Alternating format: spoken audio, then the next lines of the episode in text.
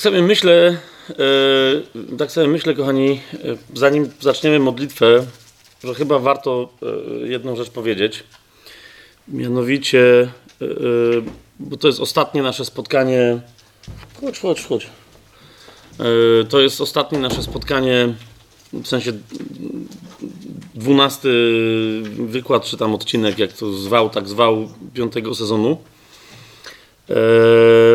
Niektórzy z Was zauważyli, że, e, mm, o, o, no, że się zwłaszcza o niektóre te nasze spotkania mocna walka e, toczyła, niektórzy z Was dobrze wiedzą, że o cały taki sezon się toczy walka i, i, i bardzo niewiele osób, ale też wie o tym, że się w ogóle o, o, o całe takie dzieło, jakim jest tajemny plan, nie, nie tylko o to dzieło, ale, ale to, o, o takie dzieła nauczycielskie, ewangelizacyjne i tak dalej, że się toczy walka. I ta walka się przede wszystkim toczy na modlitwie, nie na gdzie nie w jakichś utarczkach słownych, w jakichś tam działaniach e, naturalnych.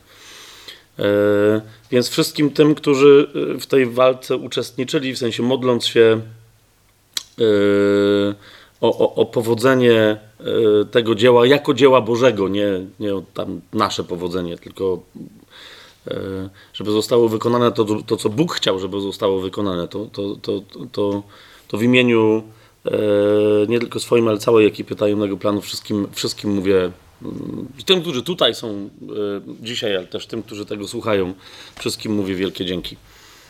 E, Wiem, że to może czasem z boku tak wyglądać, że, e, że co to za historia, po prostu się spotykamy i ja tam siedzę, coś gadam i, i to jest tyle. Ale ze względu na, e, e, na owoc, jaki e, myślę, że Bóg zamierzył przez te tak prosto wyglądające spotkania, myślę, że, że, że, że, że z tego powodu no, często się nawet taka bardzo widoczna walka toczy przeciwko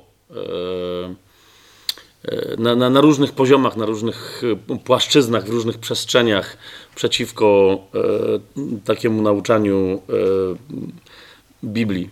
I jednocześnie fakt, że jednak się udaje iść dalej, myślę, że właśnie jest wygrany na modlitwie. To, to nie jest tylko nasze samozaparcie i tak dalej, tylko że to, wiecie, to się dzieje, to się dzieje w duchu. Więc, y, więc mówię dzięki, dzięki wszystkim tym, którzy się y, w modlitwie o owocność tego dzieła y, modlą i, i mówiąc dzięki, mówię jednocześnie módlmy się, walczmy dalej.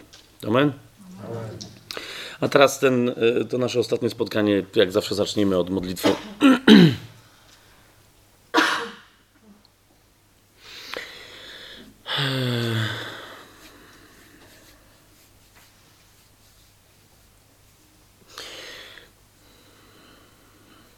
Panie Jezu, Ty powiedziałeś, że gdzie dwie albo trzy osoby się gromadzą w Twoje imię, tam Ty jesteś pośród nich. E, Dzisiaj nas tu jest znacznie więcej, którzy się gromadzi, gromadzimy w Twoje imię. Wiemy, że Ty jesteś, Ty jesteś tutaj dzisiaj pośród nas. Zwykle z tej Twojej obecności korzystamy, żeby, mm, żeby za Twoim pośrednictwem, w Twoim imieniu i w mocy Ducha Świętego oddać chwałę Ojcu i do Niego się zwrócić. Ale dziś myślę, że, że, że ze względu na to, co Duch Święty dla nas na dzisiaj przygotował, ze względu na tematykę, w której dalej będziemy postępować, myślę, że jest dobrze, żebyśmy w Duchu Świętym i, że to będzie na chwałę Ojca, żebyśmy oddali cześć Tobie. Panie Jezu, bądź y, błogosławiony w tej swojej obecności dzisiaj pośród nas. Bądź wywyższony i uwielbiony w pośrodku nas i w, w sercach naszych, każdej i każdego z nas, którzy tutaj się, się gromadzimy w Twoje imię i którzy, którzy, którzy wielbimy Ciebie jako naszego Zbawiciela i naszego Pana. Prosimy Cię, Panie Jezu, żebyś na chwałę swojego Ojca, naszego Ojca, który przez Ciebie jest naszym Ojcem, udzielał nam w swoim świętym duchu ko- kolejnych pouczeń. Nie tylko, żebyśmy byli dotknięci intelektualnie, wręcz powiedziałbym, jeżeli by tak miało być, to w ogóle, żebyśmy nie byli dotknięci intelektualnie. Nawet jeżeli by się miała nasza wiedza poszerzyć, to, to nie ze względu na to, ale ze względu na to, żebyśmy byli jeszcze bardziej zjednoczeni z Tobą, jak, jak latorośle z krzewem winnym, żebyśmy wiedzieli, że bez Ciebie nic uczynić nie możemy. I, I to wiedząc, jednocześnie, żebyśmy cieszyli się mocą, która wynika z tego, że z Tobą możemy uczynić wszystko. I żebyśmy e, ty, tym się radując, każdego dnia przynosili w radości owoce miłości. Miłości wzajemnej wobec sióstr i braci, miłości do, do wszystkich, nawet naszych wrogów. I ostatecznie w tym wszystkim miłości do Ciebie, w Duchu Świętym i wraz z Duchem Świętym i z Tobą do naszego Ojca, który jest w niebie. Amen. Amen. Eee, o, w trakcie modlitwy przyszedł Kacper, a pomyślałem sobie wczoraj, yy, yy, żeśmy krótką rozmowę odbyli na, na yy, jeden temat i pomyślałem, że, że może dobrze byłoby dzisiaj zacząć jeszcze, jeszcze raz, jeszcze raz e, na, na przykładzie tego, o co mnie wczoraj Kacper pytał, żeby, e, żeby jedną kwestię pokazać. Otóż e, padło pytanie a propos piątego rozdziału Ewangelii Jana, o, o którym parokrotnie czasie tego sezonu mówiłem, nie, nie, o tym rozdziale, tylko o jednym tam zwłaszcza fragmencie. To jest piąty rozdział, 23 werset, w którym Jezus mówi, że chodzi o to, żeby wszyscy czcili syna tak, jak czczą ojca. Kto nie czci syna, nie czci i ojca, który go posłał. No i Kasper mówi, że, że podczas rozmowy konkretnie, to ja nie jestem tego, nie byłem tego świadkiem, tak, ale, ale konkretnie argument padł, że była to rozmowa ze świadkami y, y, Jehowy, którzy jak, którzy jak wiecie e, w ramach swojej doktryny nie uważają, że Jezus jest Bogiem, niespecjalnie uważają, że Jezus jest Jezusem, tylko w ogóle uważają, że Jezus jest y, jakąś formą iluzji, którą przyjął Archanioł Michał przebywając na ziemi. Potem jeszcze w zależności od tego, jaką woltę akurat y, ciało kierownicze wywinie, to, to ten Archanioł Michał czasem jest y, Abadonem, a czasem jest szatanem we własnej osobie. Nie mogą się zdecydować, kim, kim jest Chrystus, więc, więc już pomijam, że całe to nauczanie jest pomieszane. Jeszcze raz, y, rozumiecie, nie, nie, nie mówię tego przeciwko świadkom Jehowy, poszczególnym członkom tej organizacji, bo, bo zdaję sobie sprawę, że oni zasadniczo tylko powtarzają no, to, co tam jakieś jedno ichniejsze papiestwo zwane ciałem kierowniczym, tam złożone z paru osób, e, że po prostu im wymyśla i, i, i, i, i każe demonstrować. E, ale, ale, właśnie, rozmawiając ze świadkami Jehowy, Kasper mówi, że oni powiedzieli, że to w ogóle tu nie chodzi o, tu nie chodzi o to, żeby oddawać cześć y, Jezusowi jako Bogu, bo w ogóle w tym miejscu nie chodzi o oddawanie czci Bogu. Tylko tu, ponieważ tutaj nie ma słowa doksa, czyli chwała, tylko jest inne słowo, ściślej rzecz ujmując, słowo timao, no i oni stwierdzili, że ponieważ to słowo jest wykorzystane w innych fragmentach, że sprawdzili w słowniku, tak? E, I ponieważ to słowo jest wykorzystane w innych fragmentach Nowego Testamentu zasadniczo, żeby zacytować przykazanie czci ojca swego i matkę swoją, to nie wiem, że tutaj w ogóle nie chodzi o żadną cześć, tylko chodzi o szacunek, o to, żeby mieć szacunek do Jezusa tak jak do matki i do ojca. Niektórzy z Was już, już słyszą pokrętność tego argumentu. Ja już w czasie tego sezonu mówiłem o czymś, co, co nazywam egzegezą słownikową, że ktoś bierze, wiecie, jakiś, jakiś fragment z Biblii, po czym z tego fragmentu bierze jedno słowo i nie sprawdza, w jakim kontekście się znajduje to słowo, w jakim kontekście znajduje się e, szerszy kontekst tego słowa, czyli, czyli zdanie i tak dalej, i tak dalej, tylko wyjmuje i mówi, ok, ja to sprawdziłem i w słowniku to coś tam oznacza.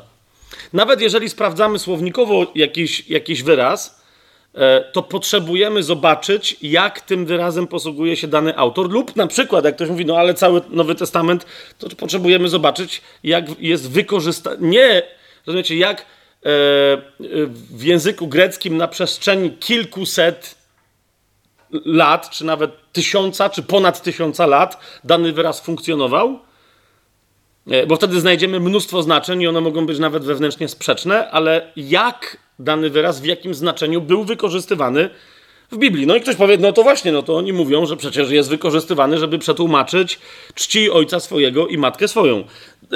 E, podam przykład. E, Ewangelia Mateusza, bo to jest jedno z takich pierwszych miejsc, gdzie się pojawia to tłumaczenie Ewangelia Mateusza, rozdział 15, yy, czwarty werset. Rozdział 15, czwarty werset. To jest jeden, jeden z tych fragmentów, gdzie pojawia się to słowo Timao. Yy, Timao. Yy, Bóg bowiem nakazał czci swojego ojca i matkę. Okay? I tutaj, gdzie jest słowo czci swojego ojca i matkę, czci, tu jest właśnie to słowo, które zostało następnie wykorzystane w Ewangelii Jana w 5 rozdziale, w 23 wersecie. Otóż, kochani, yy, fantastycznie.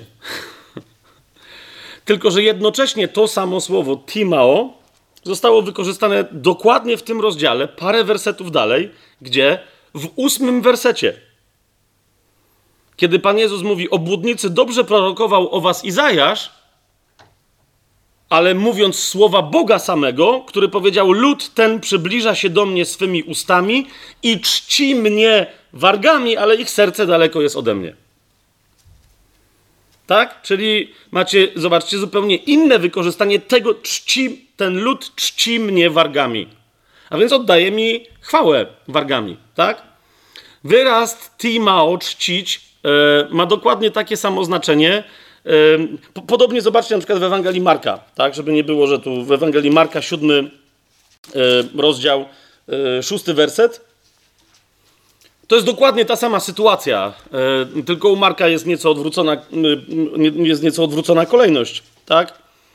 W siódmym rozdziale, w szóstym wersecie Jezus mówi do faryzeuszy, wtedy on im odpowiedział: Dobrze Izajasz prorokował o was, o błudnikach, jak jest napisane: Ten lud czci mnie wargami, ale ich serce daleko jest ode mnie. I znowu słowo tu czci mnie wargami to jest dokładnie to samo słowo timao. I w siódmym rozdziale, w dziesiątym wersecie to samo słowo pojawia się w kontekście Mojżesz bowiem powiedział czci swojego ojca i swoją matkę.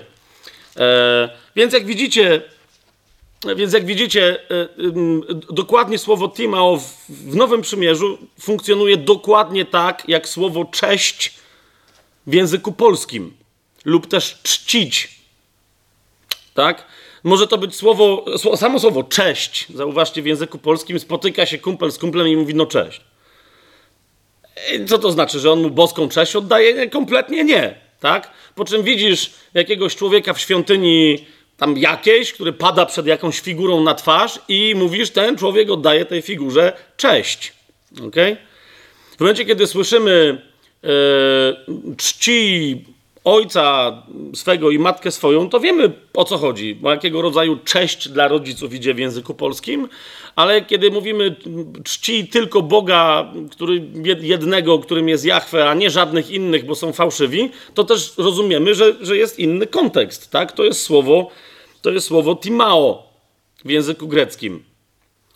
Więc yy, jeszcze raz, yy, ewidentnie z tego, w jaki sposób się w Nowym Przymierzu różni autorzy nim posługują, czyli Duch Święty, e, widzimy, że e, brzydko się wyrażę, na dwoje babka wróżyła. Albo tak, albo siak. W jakim kontekście w takim razie, pan, o co Panu Jezusowi chodziło, kiedy On powiedział w piątym rozdziale, w 23 wersecie, żeby wszyscy czcili Syna? Hmm? O co Mu chodzi? O to, żeby wszyscy czcili Syna tak jak Ojca i Matkę? Czy kiedy my czcimy ojca, to robimy dokładnie to samo, kiedy czcimy ojca i matkę? Rozumiecie o co mi chodzi? Idziemy y, do sklepu po mleko, bo, bo mama już jest leciwa i sama nie może, i codziennie jej kupujemy to mleko, i Bogu też tak robimy? Żeby, żeby mu okazać cześć, no zupełnie o coś innego chodzi. Ale zobaczcie, jaki jest bezpośredni kontekst, ok? Piąty rozdział, dwudziesty werset i dalej. Ojciec miłuje syna, i ukazuje mu wszystko, co sam czyni. I pokaże mu większe dzieła niż te, abyście się dziwili. Jak bowiem ojciec wskrzesza umarłych i ożywia, tak i syn ożywia tych, których chce. Okay? On mówi, że wyraźnie tutaj chodzi o to, że on ma taką samą moc, której nie ma nikt inny, tylko sam Bóg. Ożywiać umarłych. Okay? Że on ma taką samą moc. Co więcej, co więcej, Ojciec nikogo nie sądzi, nie dlatego, że nie może, ale dlatego, że cały swój sąd przekazał synowi. A więc całą swoją boską władzę bycia sędzią tego, co jest dobre i tego, co jest złe, bycia sędzią żywych i umarłych, jak w innym miejscu powie pismo, cały ten sąd, który, który jest pełną boską władzą, ojciec przekazał synowi. Po co? Aby wszyscy czcili syna tak, jak czczą ojca. Kto nie czci syna, nie czci i ojca, który go posłał. Jeszcze raz. Niezależnie od tego, myśmy wczoraj o tym rozmawiali, Kasper, więc ale, ale pomyślałem, że, że to mm, będzie sensowniej, żeby to. Bo, bo, to jest dobry przykład tego, jak czasem się możemy zgubić w słowniku, tak? Jest kontekst, który, który mówi bardzo jasno o tym, że syn ma te same atrybuty co ojciec, w związku z tym ma być traktowany tak samo jak ojciec, bo jest tej samej natury po prostu. Jest e, Bogiem. Po czym ten sam autor w innej swojej księdze, pod natchnieniem tego samego Ducha Świętego, na przykład w Księdze Objawienia, bo już nie chcę, wiecie, tego rozwijać, bo rzecz jest oczywista, wyraźnie w kwestii czci i tam, rozumiecie, pojawiają się wszystkie możliwe słowa wyrażające uwielbienie, cześć, które się należy Bogu samemu, czyli w Księdze Objawienia idzie konsekwentnie za tym, y, co, co Jezus jako pierwszy objawił, i on później mówi, że tak jest. Zobaczcie sobie Księgę Objawienia, chociażby piąty rozdział. Yy, jedenasty werset. I następne zobaczyłem też i usłyszałem głos wielu aniołów dokoła tronu i stworzeń i starszych, a liczba ich wynosiła 10 tysięcy razy 10 tysięcy i tysiące tysięcy.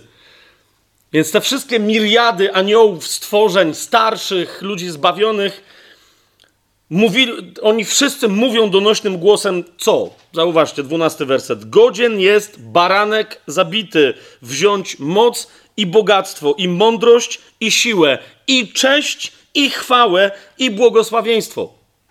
A wszelkie stworzenie, które jest w niebie i na ziemi, i pod ziemią, i w morzu, i wszystko, co w nich jest, słyszałem, jak mówiło, zasiadającemu na tronie i barankowi błogosławieństwo, i cześć, i chwała, i moc na wieki wieków. Rozumiecie? Słownik słownikiem, a kontekst kontekstem. Tak? Nie wiem, czy.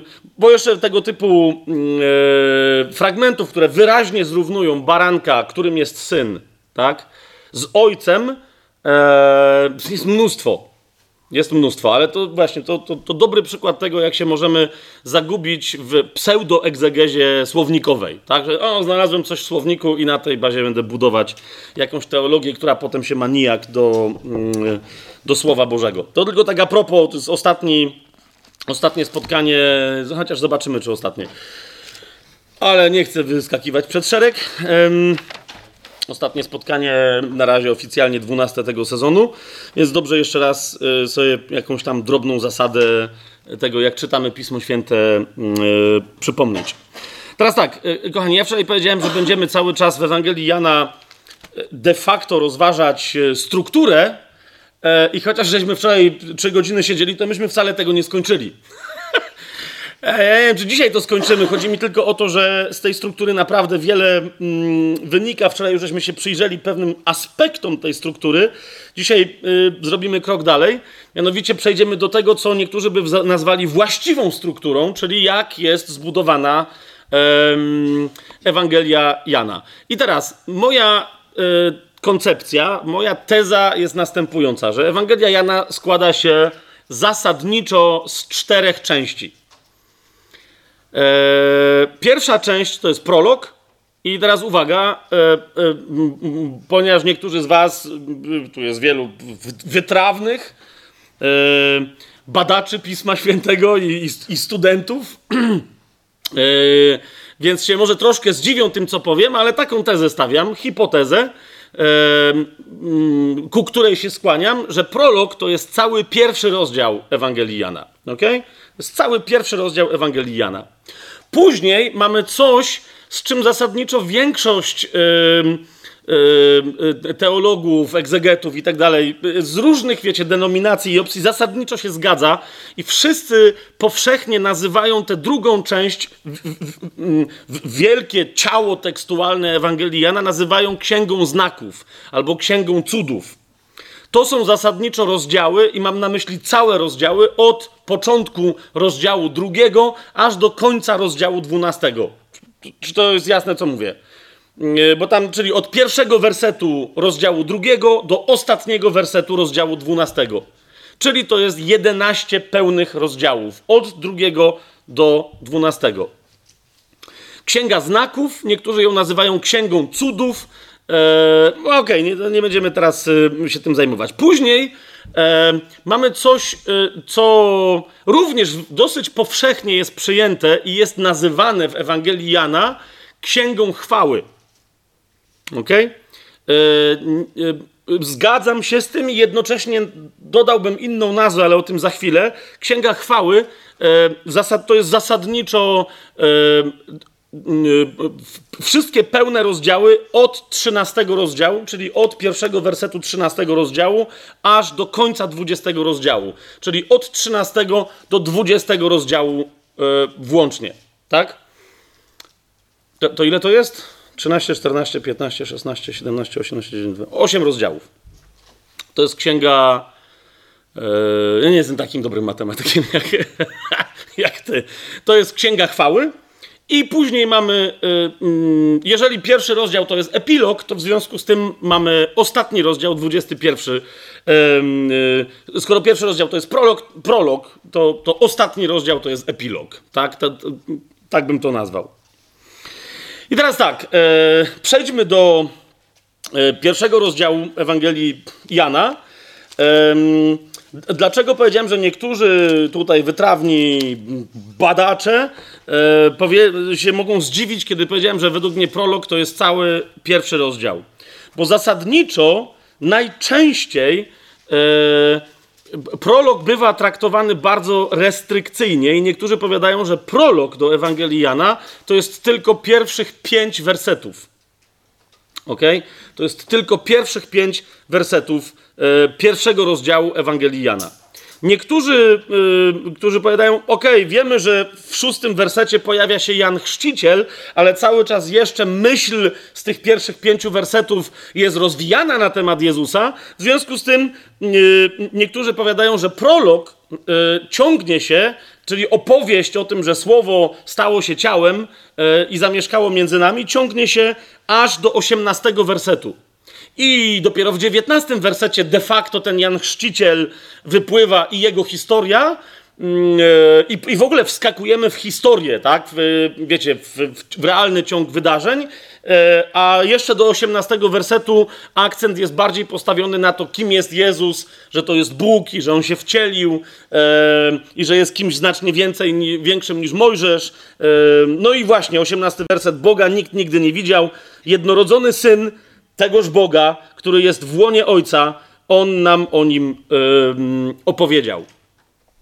Swoją drogą, tak zupełnie swoją drogą, zwróćcie uwagę na, na to, jak e, precyzyjnie posługuje się czasownikami e, ewangelista Jan. Tak?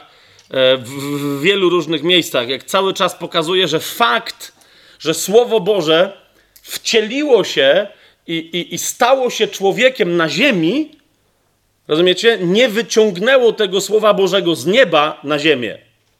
Cały czas zwróćcie na to uwagę, bo tu niektórzy z tym mają y, problem. Nawet jak wierzą, że Jezus był Bogiem, to jakby mają takie dziwne wyobrażenie, że wiecie, że Boga y, y, zassało do Jezusa na czas, kiedy był na ziemi. Wiecie, i, i, że cały Bóg był w Jezusie.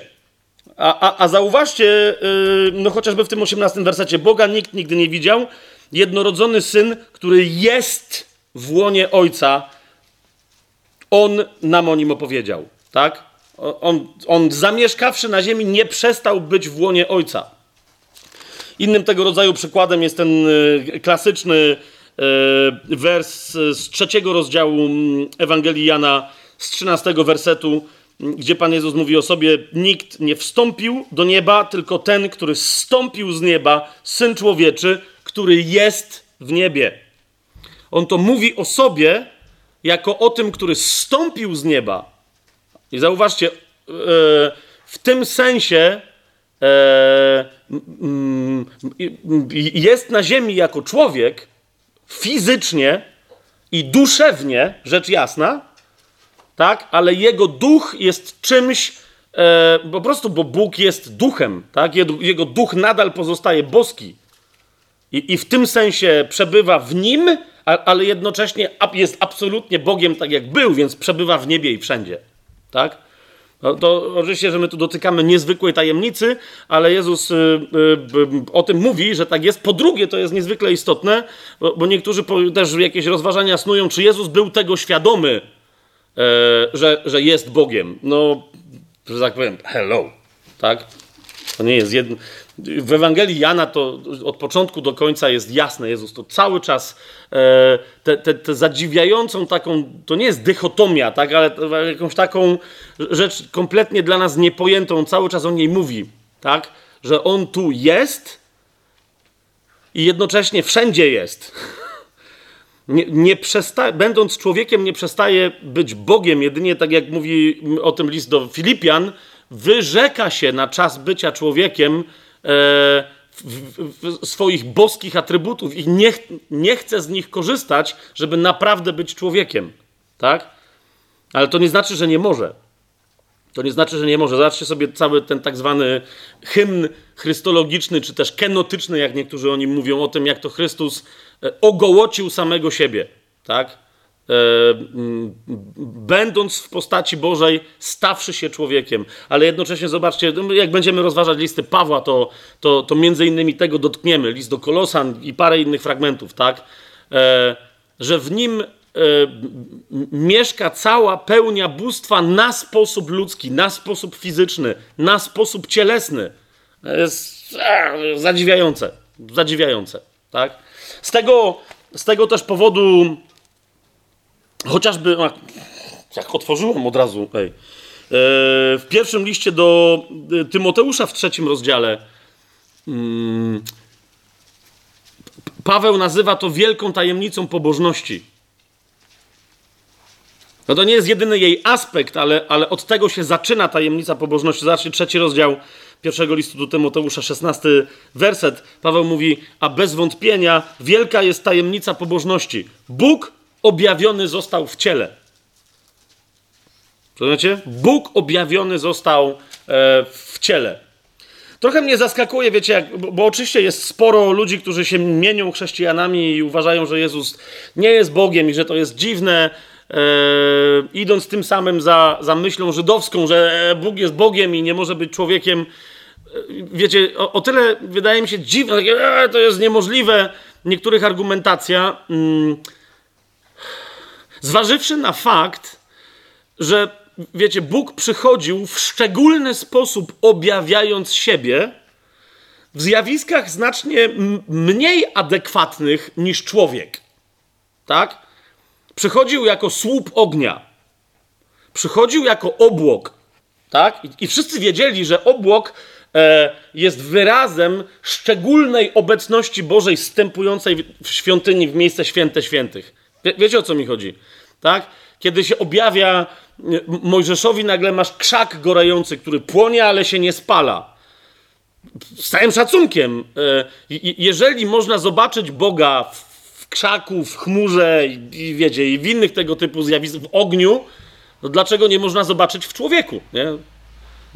Znacznie bardziej, nie mówię, że jakiś bardzo godny, ale znacznie godniejszy obraz, znacznie godniejsze naczynie, tak, do tego, żeby Bóg się przez nie objawił, niż krzak, co się pali.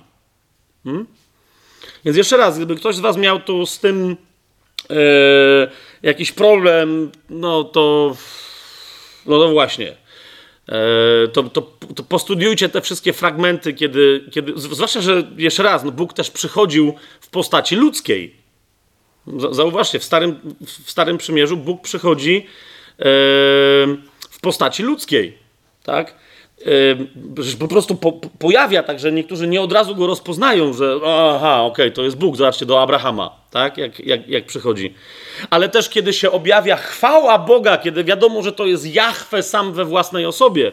Zobaczcie, pierwszy rozdział na przykład yy, proroka Ezechiela, tak? Jest ewidentny, tam jest tron Boga, tak? Chwała pańska i w samym centrum, na tym tronie nie ma ducha, tak? Nie ma światłości, nie ma, tylko tam siedzi ktoś, jakby syn człowieczy, ktoś ewidentnie przypominający człowieka. To dlatego, ja przy którejś tam okazji, zdaje się w czwartym sezonie, cytowałem yy, książkę Ashera Intratera. Yy, kojarzycie? Yy, jak ona się nazywała? kto jadł obiad z Abrahamem, tak? I on między innymi właśnie cytuje tych, y, tych rabinów, którzy mówią e, także w szkołach rabinicznych, że to, tego fragmentu się nie czyta. Ok? Tego fragmentu się nie czyta. Bo, bo możesz zwariować, możesz umrzeć nawet w trakcie czytania tego, ale co gorsza, bo może się coś jeszcze gorszego wydarzyć, możesz zostać chrześcijaninem. Jak będziesz za bardzo rozważać tamten, yy, tamten fragment. Yy, zatem, okej, okay, yy, jesteśmy w Ewangelii Jana. Na początku było Słowo, Słowo było u Boga i Bogiem było Słowo. Hmm?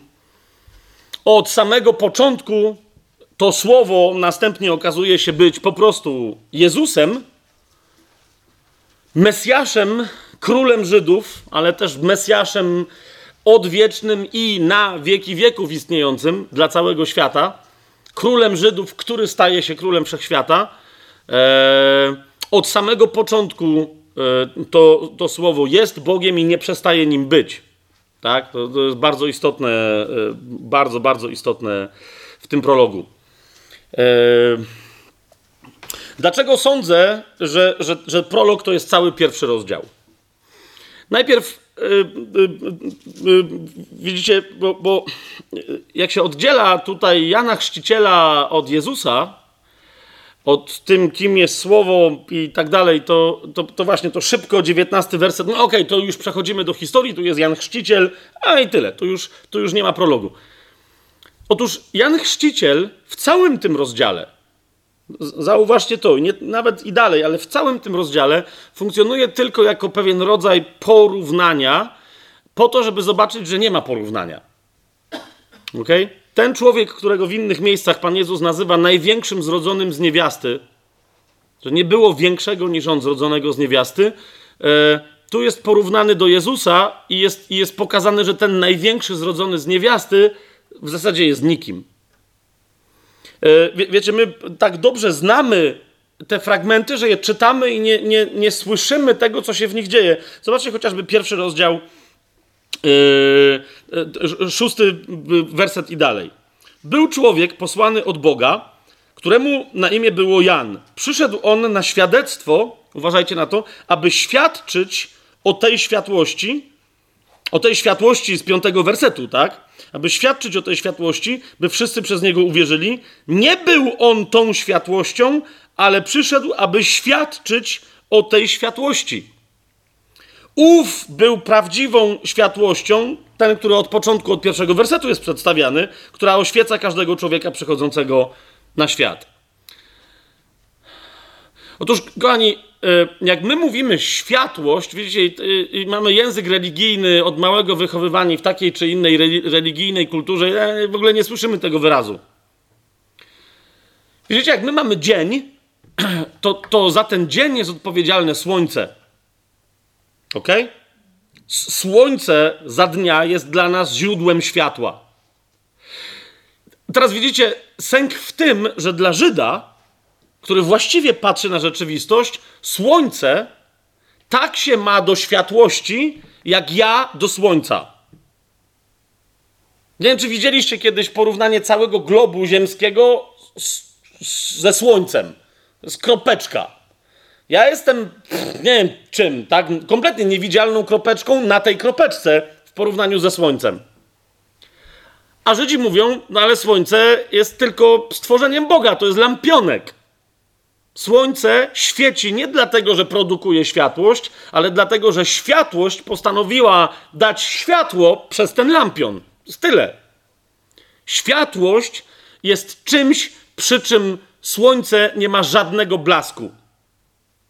Czy rozumiecie, co mówię? To jest światłość. Więc prolog mówi dokładnie o tym, tak? Prolog mówi dokładnie o Jan Chrzciciel, tu się tylko pojawia i dlatego on cały czas mówi, ja nie jestem mu godzien. Ja nie wiem w ogóle jakim cudem on chodzi w sandałach, bo nikt, ja nie jestem godzien zawiązać mu czy rozwiązać rzemyk u sandała. Po prostu. Więc jak czytamy prolog, yy, ale jeszcze raz powtarzam, zaraz, zaraz wykażę, dlaczego uważam, że cały pierwszy rozdział, to, to Jan w nim służy tylko jako pewien rodzaj porównania. Zrozum człowieku, dalej będziesz czytać historię, w ramach której łatwo będzie ci zacząć myśleć o Jezusie jako o kimś może mocniejszym niż ty, ale podobnym do ciebie. Mm. Pamiętaj aż do końca tej opowieści. Zwłaszcza kiedy dotrzesz do tego, do tej bezczelności, jaką ludzie wobec niego się wykazali, kiedy dotrzesz do końca tej opowieści. Pamiętaj, że to był ktoś, kto, kto krople swojej chwały objawiwszy, mógłby zniszczyć ziemię energią, czystą energią, rozumiesz, która mogłaby być destrukcyjna. A jednak nie uczynił niczego. Pomyśl, jak ten ktoś musiał się powstrzymywać ze względu na kogo? Ze względu na ciebie. Ze względu na ciebie. Ok? I teraz, kochani, dlaczego uważam, e, że, e, że cały pierwszy, nie tylko tych paręnaście wersetów, ale cały pierwszy rozdział jest prologiem. Ponieważ widzicie, e, my, ja, ja przynajmniej prze, przez lata da, dałem się złapać na to patrzenie, że dobra, tu jest prolog, tu są ogólne, na początku było słowo, słowo było u Boga, Bogiem było słowo, ono było na początku u Boga, mm, mm. potem kończy się poezja i zaczyna się historia. Najwyraźniej skończył się prolog. Ale widzicie, kluczem pierwszego rozdziału jest przedstawienie wielkości tego kogoś, kto przyszedł na ziemię, a żeby, po, właśnie, jak ja wam teraz widzicie, je, powiedziałem światłość, tak? I, I, logicznie doszliśmy do tego, co, jak, jaki ogrom oznacza światłość, jak, jaką niewyobrażalną moc. A autor tej Ewangelii postanowił przedstawić nam, dobra, policzcie teraz, wszystkie możliwe tytuły tego kogoś, kto przychodzi na świat. Okay? Wszystkie, nie, nie wszystkie możliwe, ale wszystkie e, możliwe, który, których będzie chciał w taki czy inny sposób dotknąć w całej swojej Ewangelii. I demonstracja tych tytułów trwa od pierwszego aż do pięćdziesiątego pierwszego wersetu Ewangelii Jana, pierwszego rozdziału. Od pierwszego aż do pięćdziesiątego pierwszego. Ja sobie zrobiłem tutaj swój własny spis E, zróbcie wy swój. Możecie się nie zgadzać z niektórymi tutaj moimi koncepcjami, ale so, sami zobaczycie, że tego jest ogrom. Ok? okay? Od pierwszego do pięćdziesiątego pierwszego wersetu. Hmm? Zobaczcie, e, w, w, pierwszym tylko wersecie, według mnie, mamy e, mm, mm, dwa tytuły wprost e, e, powiedziane, wyrażone na temat Jezusa i jeden, który, który tu no, jest zaindukowany, że się, że się tak wyrażę. Mianowicie, Jezus jest nazwany Słowem oraz Jezus jest nazwany Bogiem. To jest pierwszy werset. I po trzecie, e, skoro Słowo było u Boga, to zgodzicie się, że Jezus tu de facto jest nazwany Słowem Boga. Skoro to jest Słowo, które było u Boga od początku, to to jest Jego fundamentalne Słowo. Tak? Y, zresztą, zobaczcie, y, y, ten tytuł, dokładnie tak brzmiący w XIX rozdziale objawienia Janowego się pojawia. Kiedy Jezus powróci na ziemię, to, to, to dokładnie to będzie jego tytuł. Skąd on się bierze? Z pierwszego wersetu pierwszego rozdziału Ewangelii Jana. Zobaczcie rozdział 19, 13 werset. No 12 i 13 werset, tak? Jezus wracając, e, jego oczy były jak płomień ognia, a na jego głowie wiele koron i miał wypisane imię, którego nikt nie zna, tylko on sam. Ubrany był w szatę zmoczoną we krwi, a jego imię brzmi Słowo Boga. Ok? To jest Jezus. I według mnie tu nie ma y, tytułu Słowo Boga, ale Słowo, które jest u Boga. Hmm? Następnie również nie, nie wprost, no ale jak inaczej y, y, mamy to rozumieć? Zauważcie, jest wyraźnie powiedziane, że Jezus jest stworzycielem. Jest słowem, jest słowem Bożym, o którym wiemy z innych fragmentów, że to jest słowo, przez które Bóg stworzył światy, ale teraz się dowiadujemy, y, że jest Bogiem i jako Bóg nie tylko jest narzędziem do tworzenia światów, ale On jest stworzycielem świata. To jest pierwszy rozdział, trzeci werset, ale także pierwszy rozdział, dziesiąty werset. Hmm? Zobaczcie, w trzecim wersecie jest napisane: Wszystko przez nie się stało, a bez niego nic się nie stało, co się stało. Okay? I w dziesiątym wersecie, przez to słowo, i w dziesiątym wersecie yy, mamy: Był na świecie, a świat został przez niego stworzony. Jakby jeszcze ktoś miał wątpliwość w trzecim wersecie, co się dzieje? Świat został przez niego stworzony. Tak? Yy, dowiadujemy się, że Jezus jest synem Bożym, ale tak rozumianym, że, że po prostu, że, że skoro Bóg jest jego ojcem, to syn też jest Bogiem, tak? W takim sensie jest synem Bożym. Dowiadujemy się o tym z 12 wersetu, 34 i 49. Ja, ja już tu czytam swoje notatki, żeby, wiecie, nie będziemy tam wchodzić, tak? E, dowiadujemy się, że, y, i to według mnie jest tytuł, że Jezus jest mocny, żeby usynowić. Okej? Okay? Znaczy, żeby innych uczynić dziećmi Boga. A skoro tak, to to, to oznacza, e, że jest wszechmocny. Skoro może zrobić coś, co tylko Bóg może zrobić, wzbudzić sobie dzieci. Ok? Dowiadujemy się e, e, w, w 12 chociażby wersecie, że ma imię, tak? Które jest właśnie takim wszechmogącym imieniem, które jest imieniem, jakby powiedział, jak mówi list do Filipian, które jest imieniem ponad wszelkim innym imieniem. Tak? To jest dwunasty werset. Dowiadujemy się, że jest jedyną istotą we wszechświecie, która wyglądała jak człowiek i była człowiekiem, która jednocześnie była pełna łaski i prawdy. Tak? To jest pierwszy rozdział, czternasty werset. Dowiadujemy się, że Jezus i tylko Jezus był pełen łaski i prawdy. Tylko Jezus, jeszcze raz powtórzę, był pełen łaski. Tu mamy absolutnie jasne, precyzyjne sformułowanie. Zobaczcie sobie po grecku: Jezus był pełen łaski. I jak zobaczycie, yy, bo niektórzy mówią, jeszcze Matka Boska była pełna łaski. Nie, ona była kecharitomene, co znaczy, że była obdarowana łaską. Tylko tyle. Gdyby była pełna łaski, tak jak Jezus jest pełen łaski, to posłużyłby się Łukasz dokładnie taką konstrukcją, która najlepiej z wszystkich w Nowym Testamencie, jak już o tym mówiliśmy, zna Grekę, to by się posłużył tą konstrukcją. Zwłaszcza, że ta konstrukcja pojawia się także w dziejach apostolskich, znaczy w sensie Łukasz posługuje się tą konstrukcją w dziejach apostolskich, kiedy mówi e, na przykład o wybranych na diakonów, że byli pełni Ducha Świętego pełni wiary i Ducha Świętego.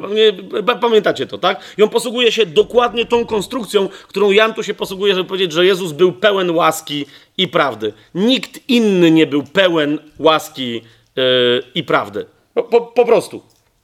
Ok? Co więcej, yy, nie tylko yy, jest pełen łaski i prawdy, ale dowiadujemy się, że w 17 wersecie jest Chrystusem, Zauważcie, to jest kolejny tytuł, tak? I jest dawcą łaski i prawdy. Ok? On jest pełen łaski i prawdy, i dlatego, że jest pełen, może dawać. Po prostu. On jest źródłem łaski i prawdy, w tym sensie. No wiesz, dlatego może dawać. Nie, nie pośredniczyć wyłącznie, ale może dawać bezpośrednio. Tak? Łaska i prawda przyszły przez Jezusa, Mesjasza. Dalej, dowiadujemy się z 18 wersetu, yy,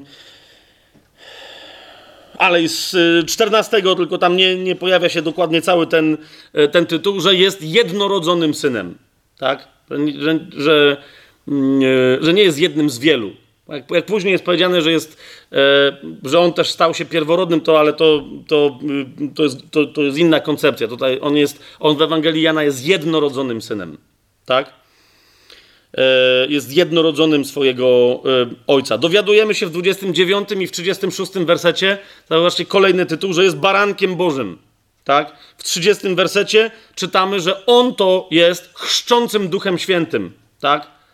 Jan jest chrzcicielem wodą, a Jezus jest chrzcicielem Duchem Świętym dowiadujemy się, że jest rabbim i to takim rabbim, który jest rabbinem rabinów, tak? że jest mistrzem.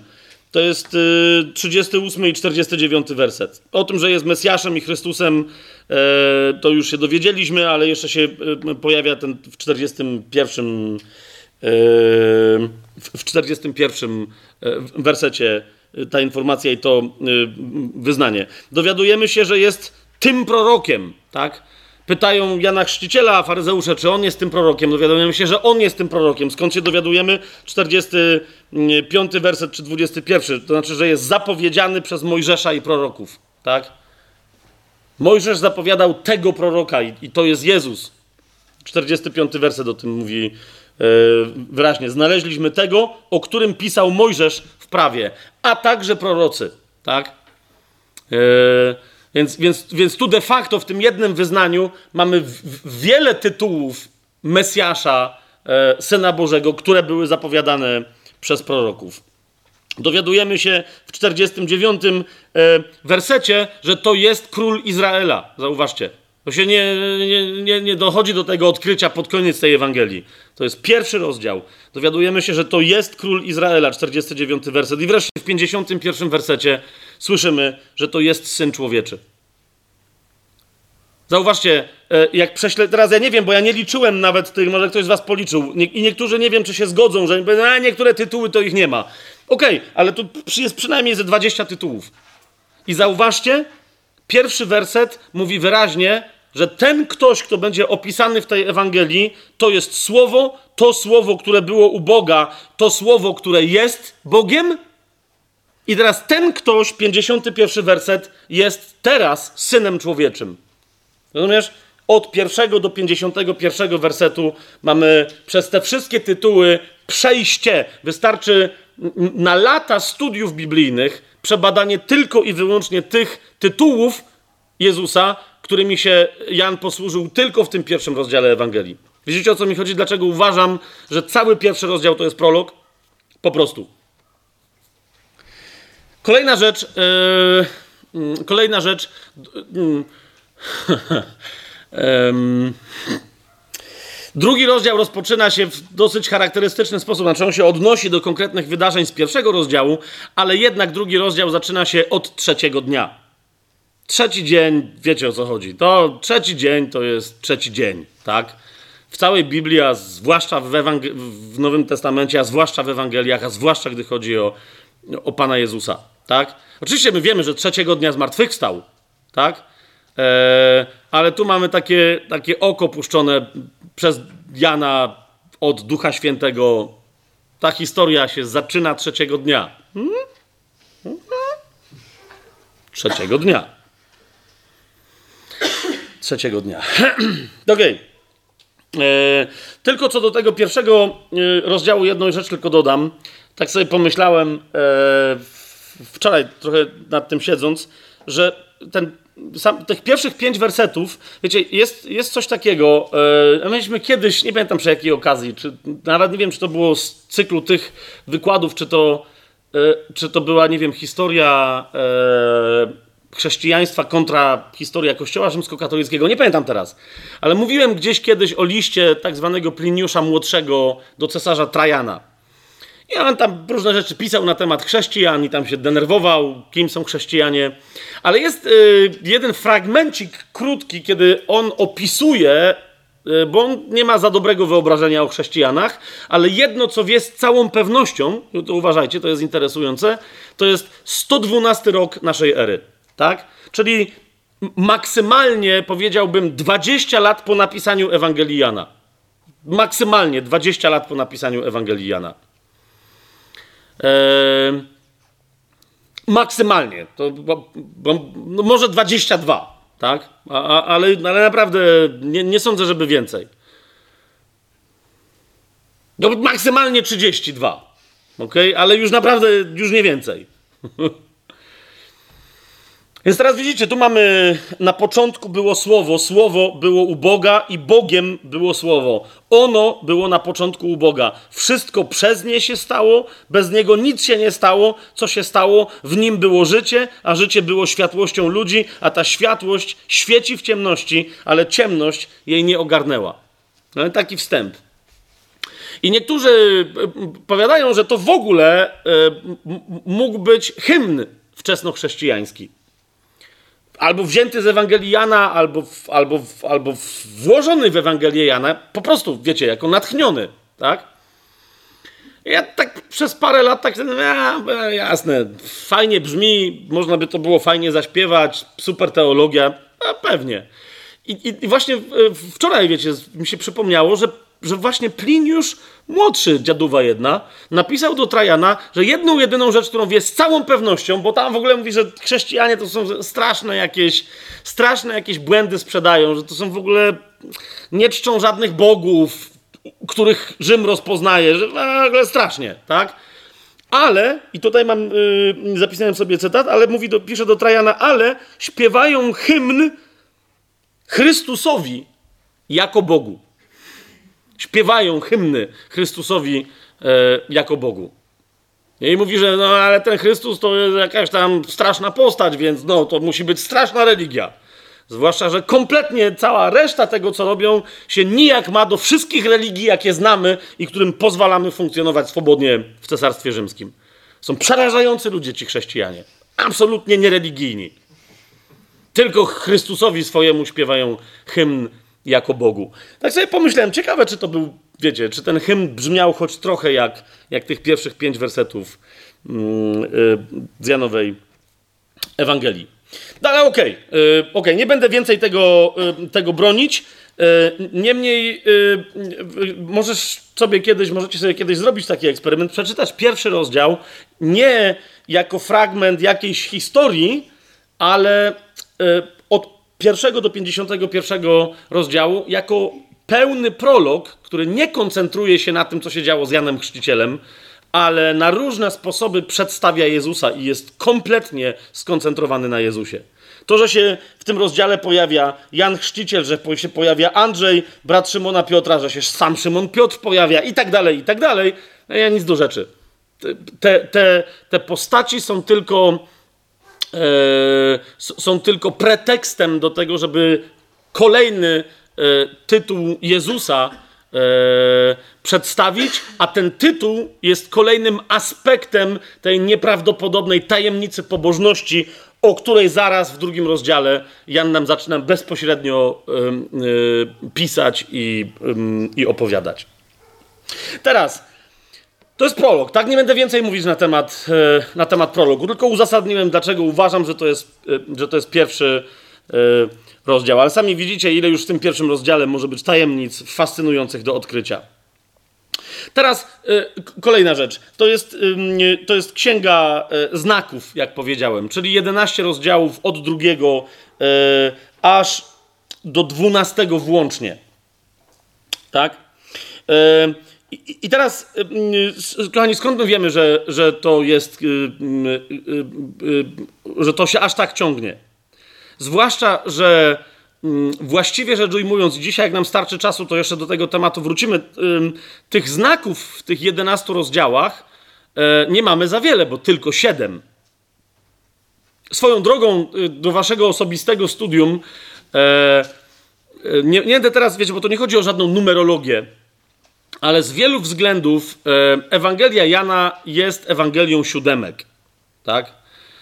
I dzisiaj parę tych siódemek wam pokażę, E, jedną z tych oczywistych, jawnych, ewidentnych siódemek mm, jest siedem znaków, czy też siedem cudów, e, siedem cudów Jezusa. E, cud przemiany wody w wino w drugim rozdziale, uzdrowienie syna dworzanina. Nie mylcie tego, bo to nie jest paralelny tekst. To nie jest, bo niektórzy, nie wiem w ogóle dlaczego, uważają, że E, że to, że to jest ta sama historia, co uzdrowienie sługi setnika rzymskiego. Okay? Jan w ogóle mówi zupełnie co innego, że, że tu jest człowiek, który był dworzaninem, e, a nie urzędnikiem rzymskim i który miał dziecko e, swoje. Tak? To, był, to, to było jego dziecko, które, które chorowało. To jest zupełnie inna historia. W czwartym rozdziale. Yy, uzdrowienie przy sadzawce Betesda w piątym rozdziale, rozmnożenie chleba w szóstym i chodzenie po wodzie też w szóstym. Uzdrowienie ślepego od urodzenia w dziewiątym rozdziale i wskrzeszenie łazarza w jedenastym. To jest siedem yy, znaków, czy też siedem cudów i nie ma więcej. Zauważcie, na przykład w Ewangelii Jana w ogóle nie ma żadnej sceny, która by pokazywała Jezusa wypędzającego demony. Żadnej. Żadnej. E, o tych znakach jeszcze będziemy mówić, e, tylko niektórzy powiadają, no dobra, ale czyli ostatni znak, wskrzeszenie Łazarza, jest w jedenastym rozdziale. To dlaczego w takim razie wszyscy są tacy zgodni, że Księga Znaków kończy się w dwunastym? Bo kochani, e, jak to już chyba dwa spotkania temu a propos Ewangelii Jana powiedziałem, u Jana te, te znaki są tylko pretekstem do, do, do dyskursów chrystusowych na, na różne tematy, do, do debat z Jezusem różnych grup ludzi, nie tylko faryzeuszy, tak? Bo z Jezusem, zauważcie, rozmawiają też ludzie przychylni w tej Ewangelii. Nikodem, Samarytanka, po Samarytance yy, inni jej tam ziomkowie i tak dalej, i tak dalej. Tak? I teraz yy, skąd my wiemy, że tak się ta, yy, że ta księga znaków tak się ciągnie? Bo zauważcie, w drugim rozdziale, od pierwszego wersetu, że trzeciego dnia odbywało się wesele w Kanie Galilejskiej, mamy taką informację opisującą ten cud przemiany wody w wino i komentarz w jedenastym wersecie Jana Taki początek cudów uczynił Jezus w Kanie Galilejskiej i objawił swoją chwałę i uwierzyli w Niego Jego uczniowie. Czyli wiemy, że tu się zaczyna księga znaków, czy, czy też księga cudów, tak? To był pierwszy cud. Teraz skąd wiemy, że dopiero w dwunastym rozdziale się kończy księga znaków? No otwórzcie sobie dwunasty yy, rozdział. Co prawda, wskrzeszenie łazarza rzeczywiście yy, ma miejsce w 11 rozdziale, ale jego, yy, że się tak wyrażę, reperkusje trwają jeszcze później w 12, yy, w 12 yy, rozdziale. Tam się różne. Yy, tam się różne historie dzieją, między innymi zauważcie w 12 rozdziale yy, w dziewiątym, wersecie, w dziewiątym, w dziesiątym wersecie słyszymy na przykład taką sytuację. Wielu Żydów dowiedziało się, że tam jest i przyszli nie tylko z powodu Jezusa, ale tak, żeby zobaczyć Łazarza, którego wskrzesił z martwych. Więc zauważcie, w 12 rozdziale historia Łazarza się ciągnie, e, nie tylko pozytywnie, bo spójrzcie, dziesiąty werset, i naradzali się naczelni kapłani nad tym, żeby zabić również Łazarza gdyż z jego powodu wielu spośród Żydów odstąpiło i uwierzyło w Jezusa. A więc temat Łazarza się ciągnie w 12 rozdziale i e, w 37 wersecie dopiero słyszymy Jana, który mówi: OK, w tym rozdziale kończymy Księgę Cudów. Który powiada tak w 37 wersecie: A chociaż tak wiele cudów uczynił wobec nich, jednak nie uwierzyli w niego. I ten komentarz, że oni w niego nie uwierzyli, ciągnie się aż do końca 12 rozdziału, aż do 50 e, wersetu. A więc widzicie, e, Jan sam e, opowieść o cudach mówi, że kończy dopiero w tym rozdziale. Czy to jest jasne? Czy to jest jasne? Do cudów jeszcze wrócimy. Do cudów jeszcze wrócimy. Przejdźmy teraz do trzeciej części, żebyśmy przynajmniej to mieli zrobione, mianowicie do księgi chwały. Ponieważ, tak jak powiedziałem, Trzecią częścią Ewangelii Jana jest księga chwały. Teraz, zanim sobie opowiemy, dlaczego księga chwały jest księgą chwały, pozwólcie, yy, że, że, że wrzucę yy, taki mój kamyczek do ogródka i, i najpierw wyjaśnię, dlaczego czasem. Yy, być może w przeszłości tak już bywało i dlaczego w przyszłości może tak być, że usłyszycie ode mnie, że istnieje w Ewangelii Jana księga godziny, a nie księga chwały. Według mnie ta część Ewangelii Jana, którą się nazywa Księgą Chwały, myślę, że równie dobrze, tylko rozumiejąc, czym jest ta godzina, którą mam na myśli, można nazwać Księgą Godziny, a ściślej rzecz ujmując, Księgą Godziny Jezusa. Ok? I teraz patrzycie na jak to Księgą Godziny. E, ok, otwórzmy sobie Ewangelię Jana, drugi rozdział. Zanim jeszcze do Księgi Godziny dojdziemy, i zobaczcie, od samego początku, jest drugi rozdział, spójrzcie, czwarty werset, to jest zaraz po prologu, zaczyna się dopiero Księga Cudów. W ogóle jeszcze żaden cud nie został wykonany przez Jezusa. Tak? E, przychodzi matka e, do niego w trzecim wersecie, matka Jezusa i mówi, że nie mają wina. I teraz posłuchajcie, co na to odpowiada Jezus w czwartym wersecie. Jezus jej odpowiedział, co ja mam z tobą, kobieto? Jeszcze nie nadeszła moja godzina, mówi Jezus. Hmm? Najwyraźniej, yy, no między nimi się nie będziemy teraz tego rozważać, bo nie mamy dzisiaj na to czasu, tak? Ale ale, ale ta, ta, ta prośba Matki Jezusa, to, to jej zwrócenie uwagi, że ej, hej, oni tu nie mają wina, yy, odnosi się do czegoś, co Jezus uznał, że może być związane tylko z tą godziną, na którą przyszedł, czy ze względu na którą przyszedł na świat, tak? I, I, to jest jedna z takich, to jest pierwsza wzmianka w Ewangelii Jana, kiedy Jezus to mówi wprost, mówi kobieto, ja wiem o co ci chodzi, hmm? ale jeszcze nie nadeszła moja godzina. Jeszcze nie nadeszła moja godzina, tak? Więc mamy taką zagwostkę, oj, okej, okay, to, to, to, to, to, to, co to jest godzina Jezusa? Widzicie, w ogóle w Ewangelii Jana pojawiają się y, y, różne, nie, nie za wiele, ale pojawiają się też inne typy godzin, tak? To jest hebraizm, który mówi, że jeżeli na coś przyszła godzina, to znaczy, że przyszła pora, żeby coś się stało. To, to jest określona pora. Ta pora może być bardzo długa, E, chodzi o to, że jeżeli dojdzie do zmiany jakiejś substancjalnej, tak, że oto teraz nadeszła godzina na coś, to nie, nie chodzi o to, że to będzie trwać godzinę, nie chodzi o to, że to będzie trwać krótko, to może trwać, wiecie, całymi wiekami. Chodzi tylko o to, że kiedyś była godzina na coś innego, a teraz jest nowa godzina, tak? Znaczy, że ona się czymś innym charakteryzuje.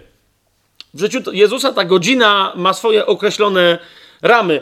Tylko także pokazać wam przykład y, y, godzin, godzin, o których mówi Jezus. W czwartym rozdziale y, od 21 wersetu Jezus mówi następującą rzecz do Samarytanki. Jezus powiedział do niej: Kobieto, wierz mi, że nadchodzi godzina, gdy ani na tej górze, ani w Jerozolimie nie będziecie czcić Ojca.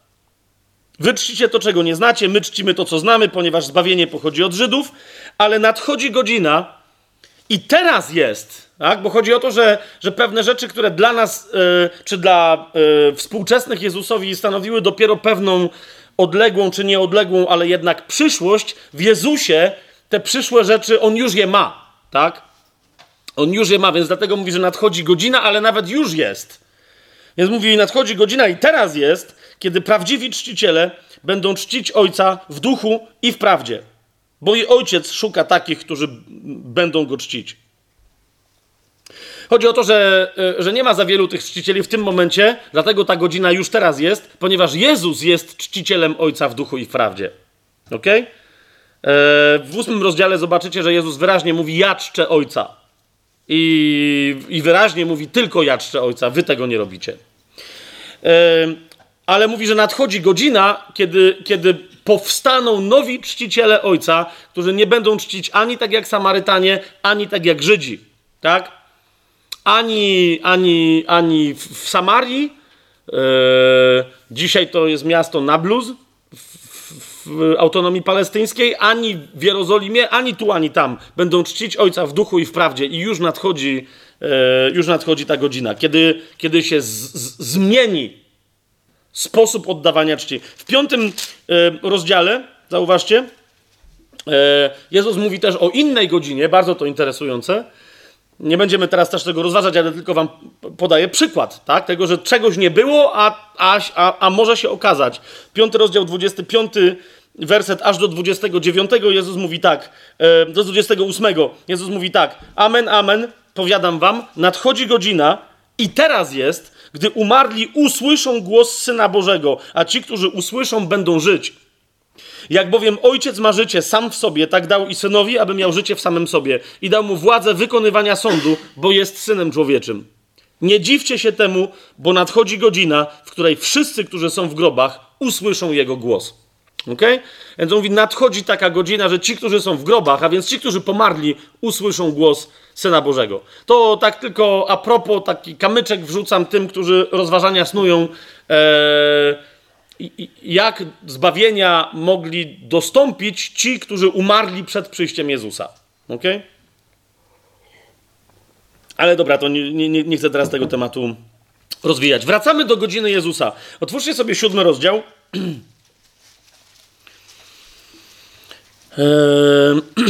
30 werset. Nawet nie będziemy podawać kontekstów, bo no przecież te nasze spotkania są inspiracją i zachętą do, do przeczytania Ewangelii Jana lub kolejnego czytania Ewangelii Jana, więc nie będę mówić, jaki tu jest kontekst, on jest dosyć oczywisty. W siódmym rozdziale, w 30 wersecie słyszymy, że Jezusa usiłowali schwytać, ale nikt nie podniósł na niego ręki, bo jeszcze nie nadeszła jego godzina. Widać, że nie tyle nie, nie mogli, co byli powstrzymani przez jakąś siłę kogoś, kto wiedział, że jeszcze nie mogą podnieść ręki na Jezusa, bo nie nadeszła jego godzina. Ale zauważcie, co to oznacza. Mamy, a, kolejną informację, kiedy nadejdzie godzina Jezusa, będzie można podnieść na niego rękę. Hmm? Jeszcze, jeszcze nie nadeszła jego godzina. Zobaczcie, ósmy rozdział, yy, dwudziesty werset. Te słowa mówił Jezus w skarbcu, kolejna sytuacja, nauczając w świątyni, a nikt go nie schwytał, bo jeszcze nie nadeszła jego godzina. Kolejny raz mamy tę samą informację, tak? Że, że z nim się ma coś wydarzyć, ale jeszcze nie nadeszła jego godzina. Zobaczcie yy, yy, dalej, dwunasty rozdział. W dwunastym rozdziale, w dwudziestym siódmym wersecie Jezus się zwraca do Ojca. Znowu nie będę podawać jakiegoś bardzo szerokiego kontekstu, ale zauważcie. Jezus mówi, teraz moja dusza jest zatrwożona. 12 rozdział, 27 werset. I cóż powiem? Ojcze, zachowaj mnie od tej godziny? Przecież dlatego przyszedłem na tę właśnie godzinę. Hmm?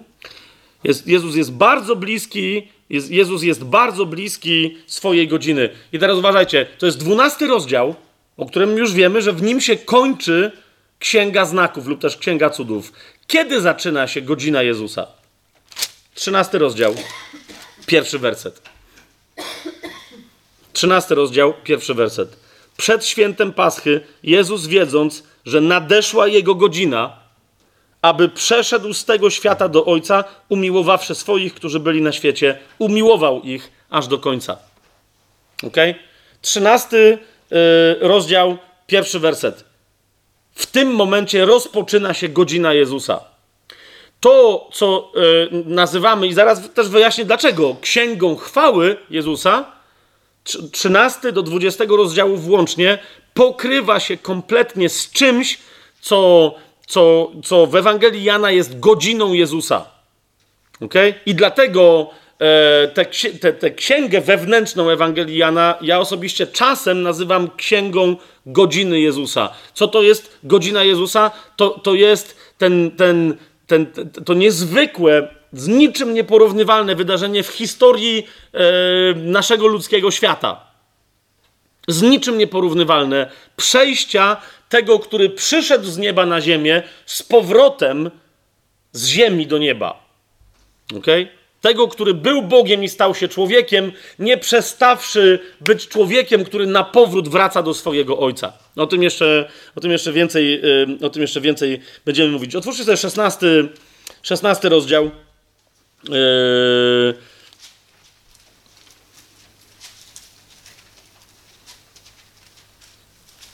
Dla nas bardzo istotną rzeczą jest zrozumieć godzinę Jezusa, żeby kiedy przyjdą na nas nasze godziny, bo, bo wiecie, ta godzina przejścia Jezusa jest też godziną próby, tak? E, to tylko i wyłącznie w tej godzinie istnieje siła dla nas, żebyśmy my, żebyśmy my przeszli swoje godziny próby. Jezus w 16 rozdziale, w 32 e, wersecie mówi: Oto nadchodzi godzina, to jest jeszcze inna godzina, ale mówi o naszej godzinie. Oto nadchodzi godzina, a nawet już nadeszła i to jest prawda, tak? Oni jeszcze tego nie doświadczają, ale to już jest faktem. Mówi o to nadchodzi godzina, a nawet już nadeszła, że rozproszycie się, każdy w swoją stronę, a mnie zostawicie samego. Ale ja nie jestem sam, bo ojciec jest ze mną. I teraz Jezus mówi: To wam powiedziałem, żebyście mieli we mnie pokój. Na świecie będziecie mieć ucisk, ale ufajcie, ja zwyciężyłem świat. Ufność moja na moją godzinę próby Godzinę, kiedy ktoś zechce uderzyć w moje serce, uderzyć w moją wiarę i, i tak, tak, żebym na, na chwilę miał, nie wiem, stracić łączność z Jezusem, lekko przyćmiony, ok? Godzina, która przyszła, nie, ona przyszła teraz na, w, w tej opowieści wewnątrz Ewangelii, przyszła na uczniów Jezusa, ale, ale, ale rozumiecie, ewidentnie Jezus mówi też do ciebie i do mnie. Zwłaszcza, że zaraz w 17 rozdziale się modli za ciebie i za mnie. Okej? Okay? Godzina ucisku przyjdzie też na ciebie, przyjdzie też na mnie i przychodziła i na, i na ciebie i na mnie. Tak? Tych niektórych, yy, których dobrze tutaj znam na, na, tej sali, wiem, że już, że już przychodziły próby i uciski na was. I, i, i, i na mnie też. I teraz, I teraz Jezus mówi: To wam powiedziałem, żebyście mieli pokój we mnie, ale jak, jak, jak zgłębimy całą, zaraz jeszcze więcej o tym powiem, całą godzinę, Jezusową godzinę, to znaczycie, że nie ma większego pocieszenia Nie ma skuteczniejszego lekarstwa w Biblii na to, żeby odzyskać pokój, odzyskać ufność, odzyskać pewność, że Jezus jest zwycięzcą, a ja w nim, ponieważ zwycięstwem, które zwycięża ten świat, jest nasza wiara, bo ten, który jest w nas, jest większy od tego, który jest w świecie. Nie ma skuteczniejszego lekarstwa jak godzina Jezusa opisana w Ewangelii Jana. Od 13 do 20 rozdziału, do 20 rozdziału włącznie. Skoro mówimy o, o, o tym 17 rozdziale, to, to, to, przeskoczmy tam od razu szybko. Zobacz, 17 rozdział od 1 do 5 wersetu. To powiedziawszy, Jezus podniósł swoje oczy ku niebu i rzekł: Ojcze, nadeszła godzina. W 13 rozdziale, w pierwszym wersecie się dowiedzieliśmy, tylko do końca 16 rozdziału Jezus mówi do uczniów, ale tu już przestaje mówić do uczniów. Tu liczy się tylko ojciec, bo on wie, że zaraz uczniowie go opuszczą. Tak? I jeszcze raz Jezus mówi: To powiedziawszy, Jezus podniósł swoje oczy ku niebu i rzekł: Ojcze, nadeszła godzina. Uwielbi swojego syna, aby też twój syn uwielbił ciebie. Jak mu dałeś władzę nad wszelkim ciałem, aby dał życie wieczne tym wszystkim, których mu dałeś, a to jest życie wieczne, aby poznali Ciebie, jedynego prawdziwego Boga i tego, którego Ty posłałeś, Jezusa Chrystusa. Ja uwielbiłem Ciebie na ziemi i dokończyłem dzieła, które mi dałeś do wykonania. Teraz Ty, Ojcze, uwielbij mnie u siebie tą chwałą, którą miałem u Ciebie, zanim powstał świat.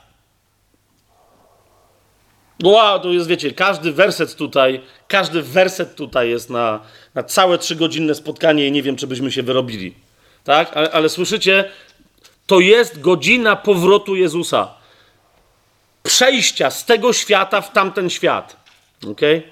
Ona się tu otwiera. Ona się tu otwiera. W jedenastym wersecie, przeskoczmy jeszcze tam, jedenasty, dwunasty, trzynasty werset. Jezus jeszcze jest na świecie, ale zauważcie, co mówi. Nie jestem już na świecie. Wygląda, na, a jesteś fizycznie. Jezus mówi, nie jestem już na świecie, ale oni są na świecie, a ja idę do ciebie. On cały czas mówi do Ojca. Ojcze święty, zachowaj w Twoim imieniu tych, których mi dałeś, aby byli jedno tak jak my. Gdy byłem z nimi na świecie, ja zachowywałem ich w Twoim imieniu, strzegłem, których mi dałeś, i żaden z nich nie zginął, prócz syna zatracenia, żeby się wypełniło pismo. Ale teraz idę do Ciebie i mówię to na świecie, aby oni mieli w sobie moją radość w pełni. To, to jest godzina przejścia Jezusa z tego świata z powrotem, yy, z powrotem do Ojca. Teraz, kochani. E, na jedną rzecz chcę Wam zwrócić uwagę. E, być może, że dla niektórych z Was oby, tak, oby była w Boży sposób wstrząsająca i szokująca. Od 13 do 20 rozdziału to jest, to jest ile rozdziałów? 7, nie? 7 rozdziałów. Ile rozdziałów ma Ewangelia Jana? 21. No to 7 rozdziałów, pi razy drzwi, mniej więcej, to jest jedna trzecia całej tej Ewangelii, zgadza się? To jest opis godziny Jezusa, w sensie tej części godziny Jezusa, która trwa na ziemi, do śmierci Jezusa, tak? Uważajcie, przyjrzyjcie się temu wyraźnie. Całych tych siedem rozdziałów, jedna trzecia całej tej Ewangelii, to jest ostatnia doba życia Jezusa, nie więcej. Godzina Jezusa tutaj na ziemi, bo ona później jeszcze trwa w 20, yy, w, yy, w 20 rozdziale, tak o to mi chodzi. Yy, nie, no to zaraz, to, nie, to, to, to, do 19 rozdziału włącznie, ok? W 20 jeszcze trwa, ale to jest, ale do 19, do 19 rozdziału to jest jedna doba. Do śmierci Jezusa, do 19 rozdziału. Od 13 to jest jedna doba. Nawet nie, nawet nie cała, tak? Dlatego, że e, że w 13 rozdziale na początku rozpoczyna się Pascha. Wiecie o co mi chodzi? A następnego dnia o tej porze Jezus już nie żyje. Bo, bo to jest po zmierzchu. A wiecie, że Jezus umarł przed zmierzchem, więc to nawet nie jest cała doba. Tak? Zauważcie, zauważcie, yy, więc rozumiecie, cała ta Ewangelia, wszystkie te poprzednie rozdziały, cała księga znaków, wydają się być tylko jednym wielkim wstępem do tej jednej opowieści. Ostatnich parunastu, może dwudziestu godzin życia Jezusa. Hmm? To jest, to, jest, to jest tak, tam się dzieją tak niezwykle istotne rzeczy. Teraz niektórzy powiedzą, no ale tam nie mamy za dużo opowieści, co Jezus zrobił, bo on tam zasadniczo gada. Mm. Ale zobacz, co on tam mówi. Nie gada. No, zobacz, co się tam dzieje. Więc yy, to, to, to jest godzina Jezusa. Przejścia z tego świata, powrotu, yy, powrotu, yy, powrotu do Ojca.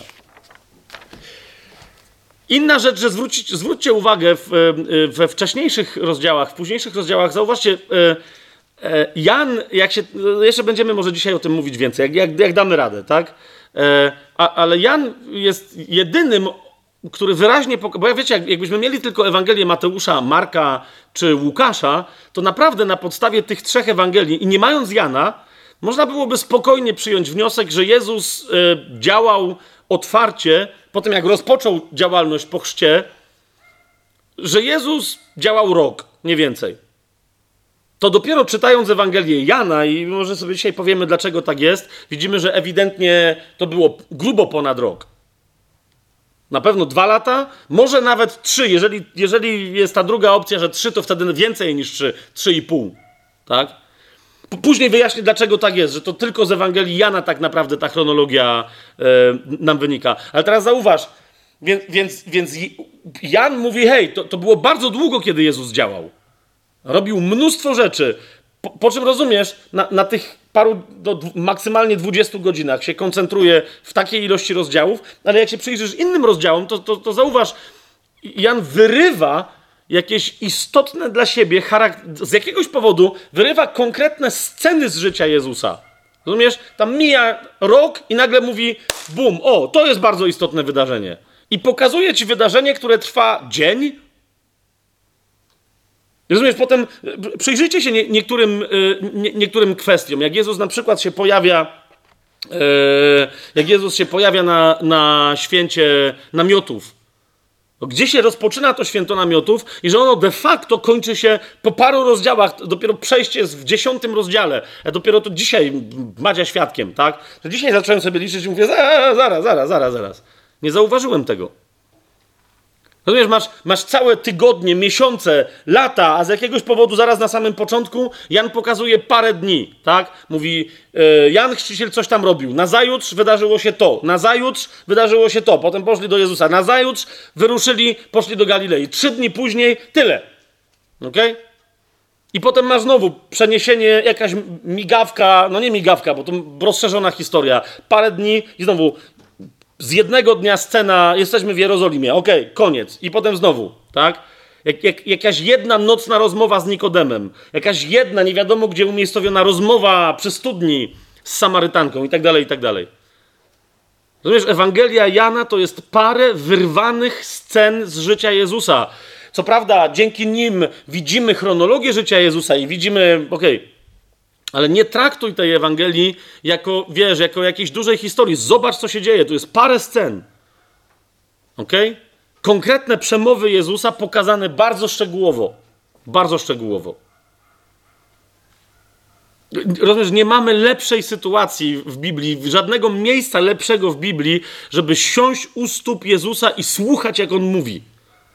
Nie, gdzie, gdzie masz takie miejsce, rozumiesz, jak 17 rozdział, od samego początku aż do końca, cały 17 rozdział Ewangelii Jana, żeby, żeby po prostu, żeby, żeby, no dobra, jak ktoś czyta, to nie może zamknąć oczu, ale chodzi mi o to, żeby, wiesz, żeby słyszeć na własne uszy, jak się Jezus modli, zdanie po zdaniu.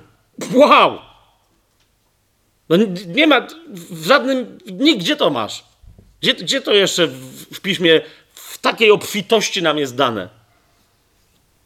Więc niezależnie od tego, jaka historia, rozumiesz, się toczy, e, to, to, to, to, Jezus przyszedł na tę swoją godzinę. Ta godzina no to jest, wiesz, to tam jest parę godzin, ale chodzi mi o to, że to jest naprawdę bardzo krótki wyrywek, ale jakby Jan chciał powiedzieć, rozumiecie, cała historia, możesz, no jak ci ktoś opowie historię dzień po dniu, szczegółowy dziennik pokładowy, co Jezus zrobił, to coś zmieni w kwestii twojej relacji z Jezusem? Zauważ, jak, jak na przykład ym, ktoś by tak to poszarpał i powiedział, y, wiesz, przypomnij, jak, załóżmy, że masz kogoś, kto yy, kto umarł już, już lata temu. Niekoniecznie bardzo dawno temu, ale jakieś lata temu, tak? Kogo kochałeś, czy kto ciebie kochał. I teraz wiesz, tak serio, z ręką na sercu odpowiedz. Rozumiesz, ty możesz dalej mieć jakąś relację, możesz mieć nadzieję, że przez zmartwychwstaniu spotkasz się z tą osobą i tak dalej. Ale tak z ręką na sercu powiedz mi, naprawdę y, możesz siąść do zeszytu i pisać godzinami, dniami i miesiącami niezliczone ilości materiału na temat tej kochanej przez ciebie osoby? Czy de facto, y, rozumiesz, y, twoja pamięć o niej wyraża się po prostu w, paru mm, mocnych, głębokich, żywych wspomnieniach, które, wiesz, oddają całą e, resztę tej relacji. Hmm? No, po prostu my, my tak funkcjonujemy. Teraz nie chodzi mi o to, że Duch Święty nie mógł przypomnieć wszystkiego Janowi, bo on mówi, że gdyby chcieć opisać wszystko, to nie starczyłoby ksiąg na całym świecie. Ale jeszcze raz, rozumiesz, on mówiąc o tej niezwykłej tajemnicy, niepojętej, że Bóg się stał człowiekiem, jednocześnie bardzo po ludzku nas traktuje. I mówi, chcesz poznać Jezusa? Zobacz, to, to, to po prostu tutaj masz, wiesz, siedem błysków z Jego życia. Co ty na to? I tak więcej nie ogarniesz. To ci wystarczy. To ci wystarczy. Swoją drogą, e, tak zupełnie na marginesie, nie będę teraz nawet rozważać tego, ale, ale wiecie, czwarty rozdział Ewangelii Jana.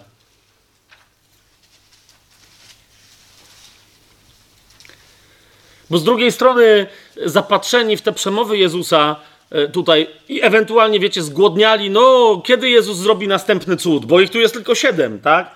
Zauważcie, jak łatwo jest przeoczyć. Jak pamiętacie, jak mówiłem, że Ewangelia Marka, że to, że to jest dreszczowiec ewangeliczny, że to jest kino akcji, thriller i tak dalej. To rozumiecie, to, to w tym sensie e, Ewangelia Jana w pewnym sensie trochę jest, jest kinem psychologicznym, ale takiego, wiecie, na, nie takim nowoczesnym, europejskim, że się nic w nim nie dzieje, tak? ale takiego naprawdę... I teraz wiecie, w takim... Czasem takie kino, mówię, od, od ponad dwóch lat w zasadzie nie oglądam nic, ale, ale, ale z tych dobrych rzeczy, które kiedyś tam pamiętam, wiesz, potrafi robić prawie nieruchomy obraz, który wiesz, że nie jest nieruchomy, tak? Bo widzisz, że się ruszają liście na drzewach, czy co tam się dzieje, ale jakby wiesz, to jest uchwycony pewien, pewien moment teraz i on jest znaczący, tak? Teraz powiedz mi, gdzie masz tak dotykający obraz? Czwarty rozdział, yy, szósty werset. Rozumiesz? Sęk w tym, że rozumiesz, że ty, ponieważ ta Ewangelia wyrywa z życia Jezusa dosłownie godziny, to, to nie przeskakuj nad takimi wersetami za szybko, ale zatrzymaj się. Była tam studnia Jakuba. Jezus więc zmęczony drogą. To masz, wiesz, gościa, który w tej samej Ewangelii lata po wodzie. Jeszcze do tego dzisiaj się odniesiemy, tak? Ale rozumiesz, to nie jest... On naprawdę był do nas we wszystkim podobny, był zapracowany, tak? Musiał iść, akurat w czwartym wersecie jest powiedziane, że musiał iść przez Samarię. Hmm? Była tam studnia Jakuba Jezus, więc zmęczony drogą usiadł sobie na studni.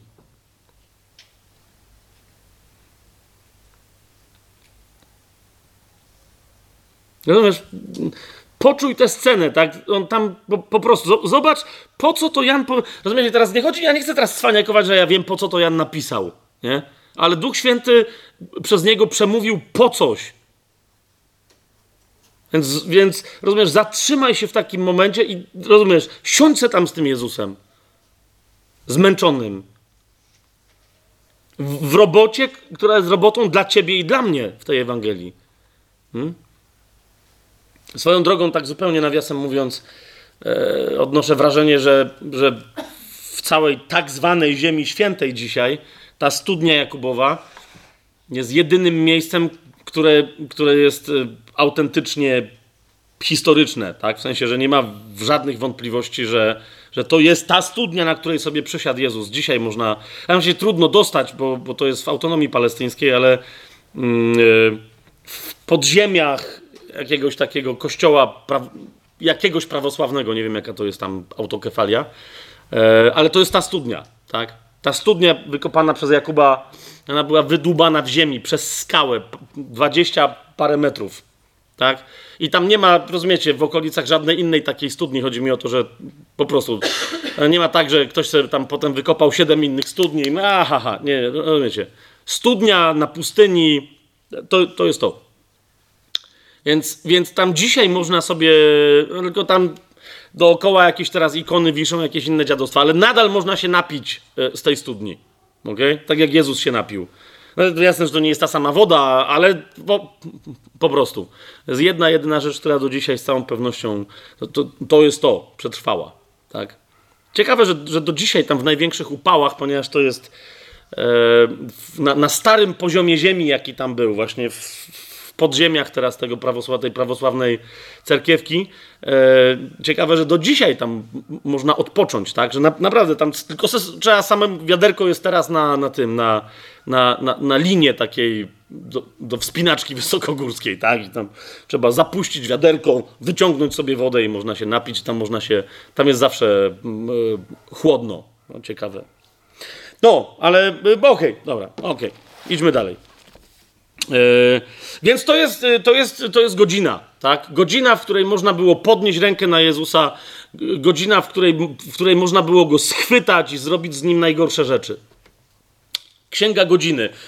Rozumiecie? Teraz, ale teraz jest pytanie, no okej, okay, jeżeli to jest, e, jeżeli chodzi o mękę Jezusa, jeżeli tu chodzi o ostatnie jego dni życia na ziemi, no to okej, okay, to, to, to, to prędzej byśmy ją nazwali, dobra, to jest godzina może, na którą Jezus przyszedł, ale jakim cudem, z jakiej paki mamy to nazywać księgą chwały? Tymczasem, e, słyszycie, ja powiedziałem, że, że jak się spotkacie w literaturze w wielu, wielu, wielu, wielu, wielu możliwych opracowaniach, raczej znajdziecie e, sformułowanie e, księga chwały niż księga godziny. To naprawdę to, to jest mój, mój prywatny trend. Otóż, kochani, Jan pisząc swoją Ewangelię, chciał nam zwrócić uwagę na jedną niezwykle istotną rzecz. Hmm? Mianowicie, że my patrząc na drogę Jezusa na ziemi i na jego dzieło, słusznie patrzymy po ludzku, ale jednocześnie musimy widzieć dwa plany. Tak? Ponieważ my jednak, wiecie, dużo czytamy synoptyków i bardzo dobrze, tak? Mateusz, Marek, yy, Łukasz. Wszystkie te Ewangelie zasadniczo drogę Jezusa do Jerozolimy pokazują jako wstępowanie, żeby stać się ofiarą Okay, weźmy dla przykładu Ewangelię Marka. Otwórzcie sobie Ewangelię Marka. Yy, ósmy rozdział, 31 werset. To jest pierwsza zapowiedź Jezusa. Yy, tam to widać dobrze, tak? To jest szybka dynamika. Więc ósmy rozdział, 31 werset.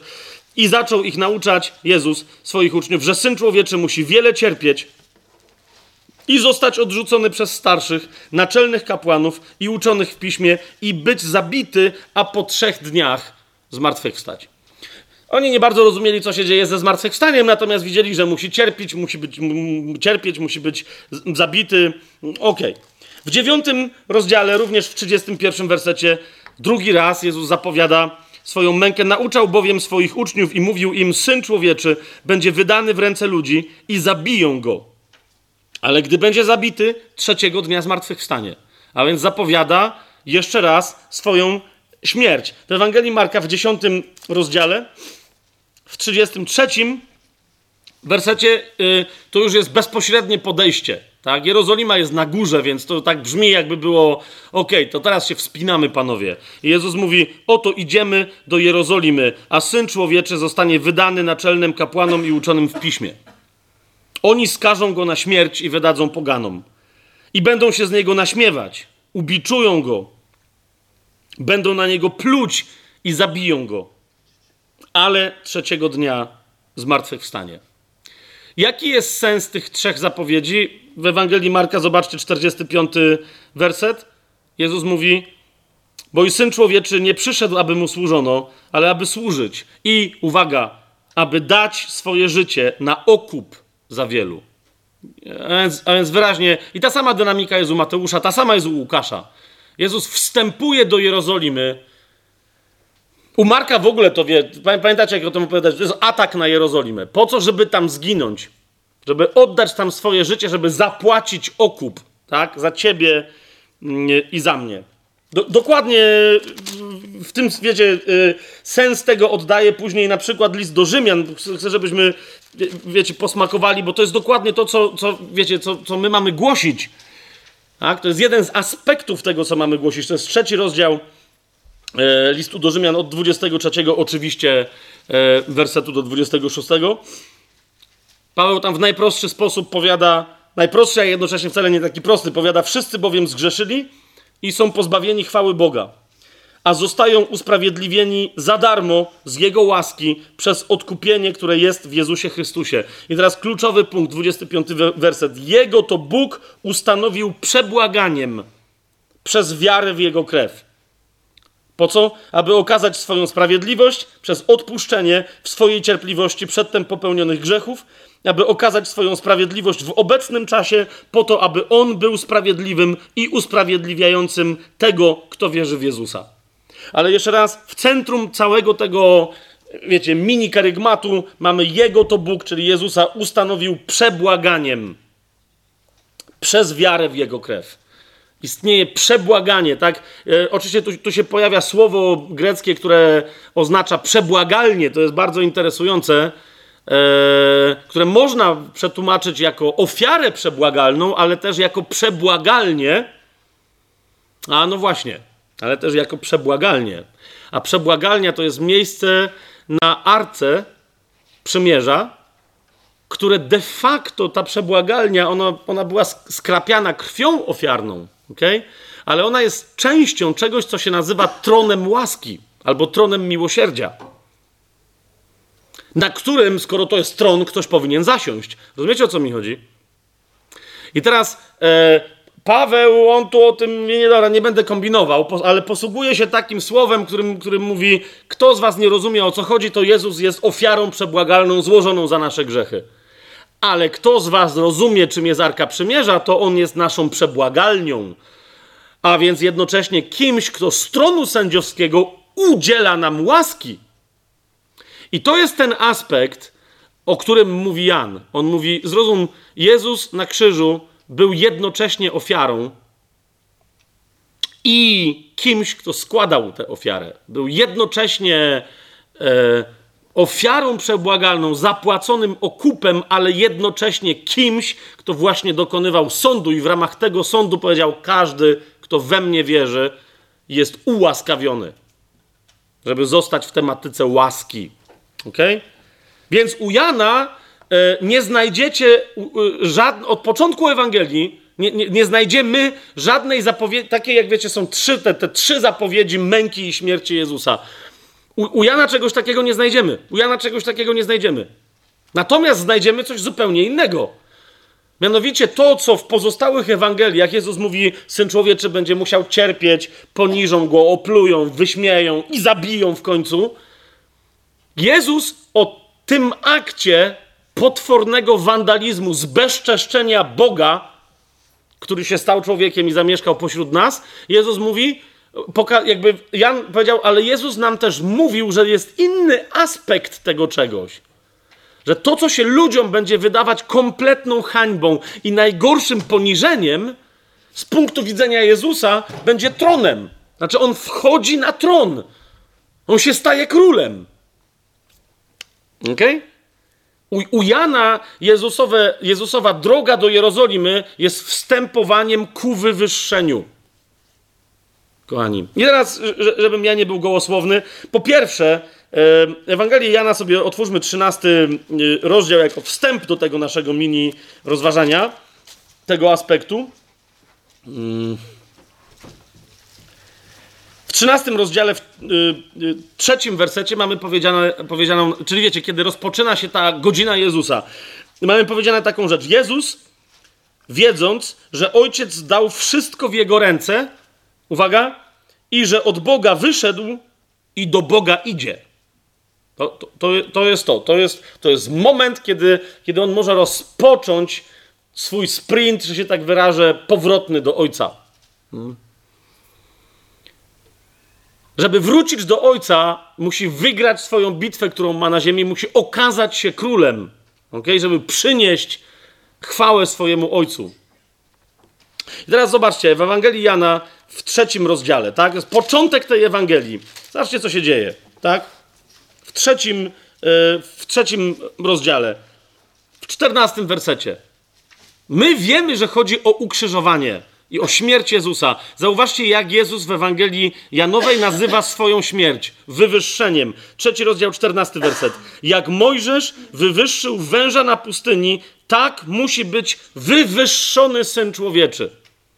No i niektórzy powiadają, okej, okay, no jasne, musi być wywyższony. W sensie, że przybiją go do krzyża, tak jak ci przybili tego węża, żeby go było widno. No i w tym sensie musi być podniesiony nad ziemię. Także nie ma się co ekscytować. Ale zobaczcie, Jezus rozwija tę myśl. Otwórzmy yy, ósmy rozdział. Hmm? W ósmym rozdziale, w dwudziestym ósmym wersecie, u, nagle słyszymy, oczywiście Jezus cały czas mówi o swojej śmierci na krzyżu, tak? I co mówi? Ósmy rozdział, 28 werset. Jezus powiedział do nich, gdy wywyższycie Syna Człowieczego, uważajcie, wtedy poznacie, że ja jestem. Jeszcze o ja jestem będziemy dzisiaj mówić, ale rozumiecie, nie, że ja jestem kimś, tylko że ja jestem. hmm? Księga Wyjścia, druga Mojżeszowa. Ja jestem, ja jestem. I tak powiesz ludowi, do Mojżesza mówi Pan, i tak powiesz ludowi, że to jest moje imię. Ja jestem, to jest moje imię. Jezus mówi, gdy wywyższycie Syna Człowieczego, wtedy poznacie, że ja jestem. I nie czynię nic sam od siebie, ale mówię to, czego mnie nauczył mój ojciec. A? Rozumiesz? Jezus mówi, patrz na krzyż, ale, ale szukaj w nim nie tylko pognębienia Syna Człowieczego, ale także objawienia Bożego. Miłości Jahwe do całego rodzaju ludzkiego. W dwunastym rozdziale, idźmy dalej, w dwunastym rozdziale, w trzydziestym... Yy, no, od 31 wersetu czytajmy. Jezus mówi tak. Teraz odbywa się sąd tego świata. Teraz władca tego świata będzie wyrzucony precz. A ja, kiedy będę wywyższony nad ziemię, pociągnę wszystkich do siebie. A mówił to, dając znać, jaką śmiercią miał umrzeć. Jeszcze raz, Jezus wyraźnie w tym wywyższeniu mówi tylko i wyłącznie o byciu przybitym do krzyża i podniesionym nad ziemię. Ale on to nazywa wywyższeniem, jakby to było, rozumiecie, czymś wspaniałym, jakby to było jakiegoś rodzaju osobistą egzaltacją, tak? Wysławieniem, podniesieniem w honorze i w czci ponad innych. W 13 rozdziale, tak? Zerknijmy sobie do 13 rozdziału w 31, 32 e, wersecie. Zobaczcie, jeszcze raz. Tam wyszedł Judasz, bo musiał wyjść. Jezus powiedział: Teraz jest uwielbiony syn człowieczy, i Bóg jest w nim uwielbiony. A jeśli Bóg jest w nim uwielbiony, to go też Bóg uwielbi sam sobie, sam w sobie, i to wkrótce go uwielbi. Hmm? To jest, to jest, dokładnie, to jest, to jest dokładnie godzina Jezusa. On mówi: Zrozumcie, to jest masakra, co się stanie ze mną na sposób cielesny i na sposób ludzki. Ale z drugiej strony, zobaczcie, jak Bóg w największej słabości może się uwielbić, jak może dojść do przełomu wreszcie e, w tym świecie. 20 mm, e, rozdział otwórzmy.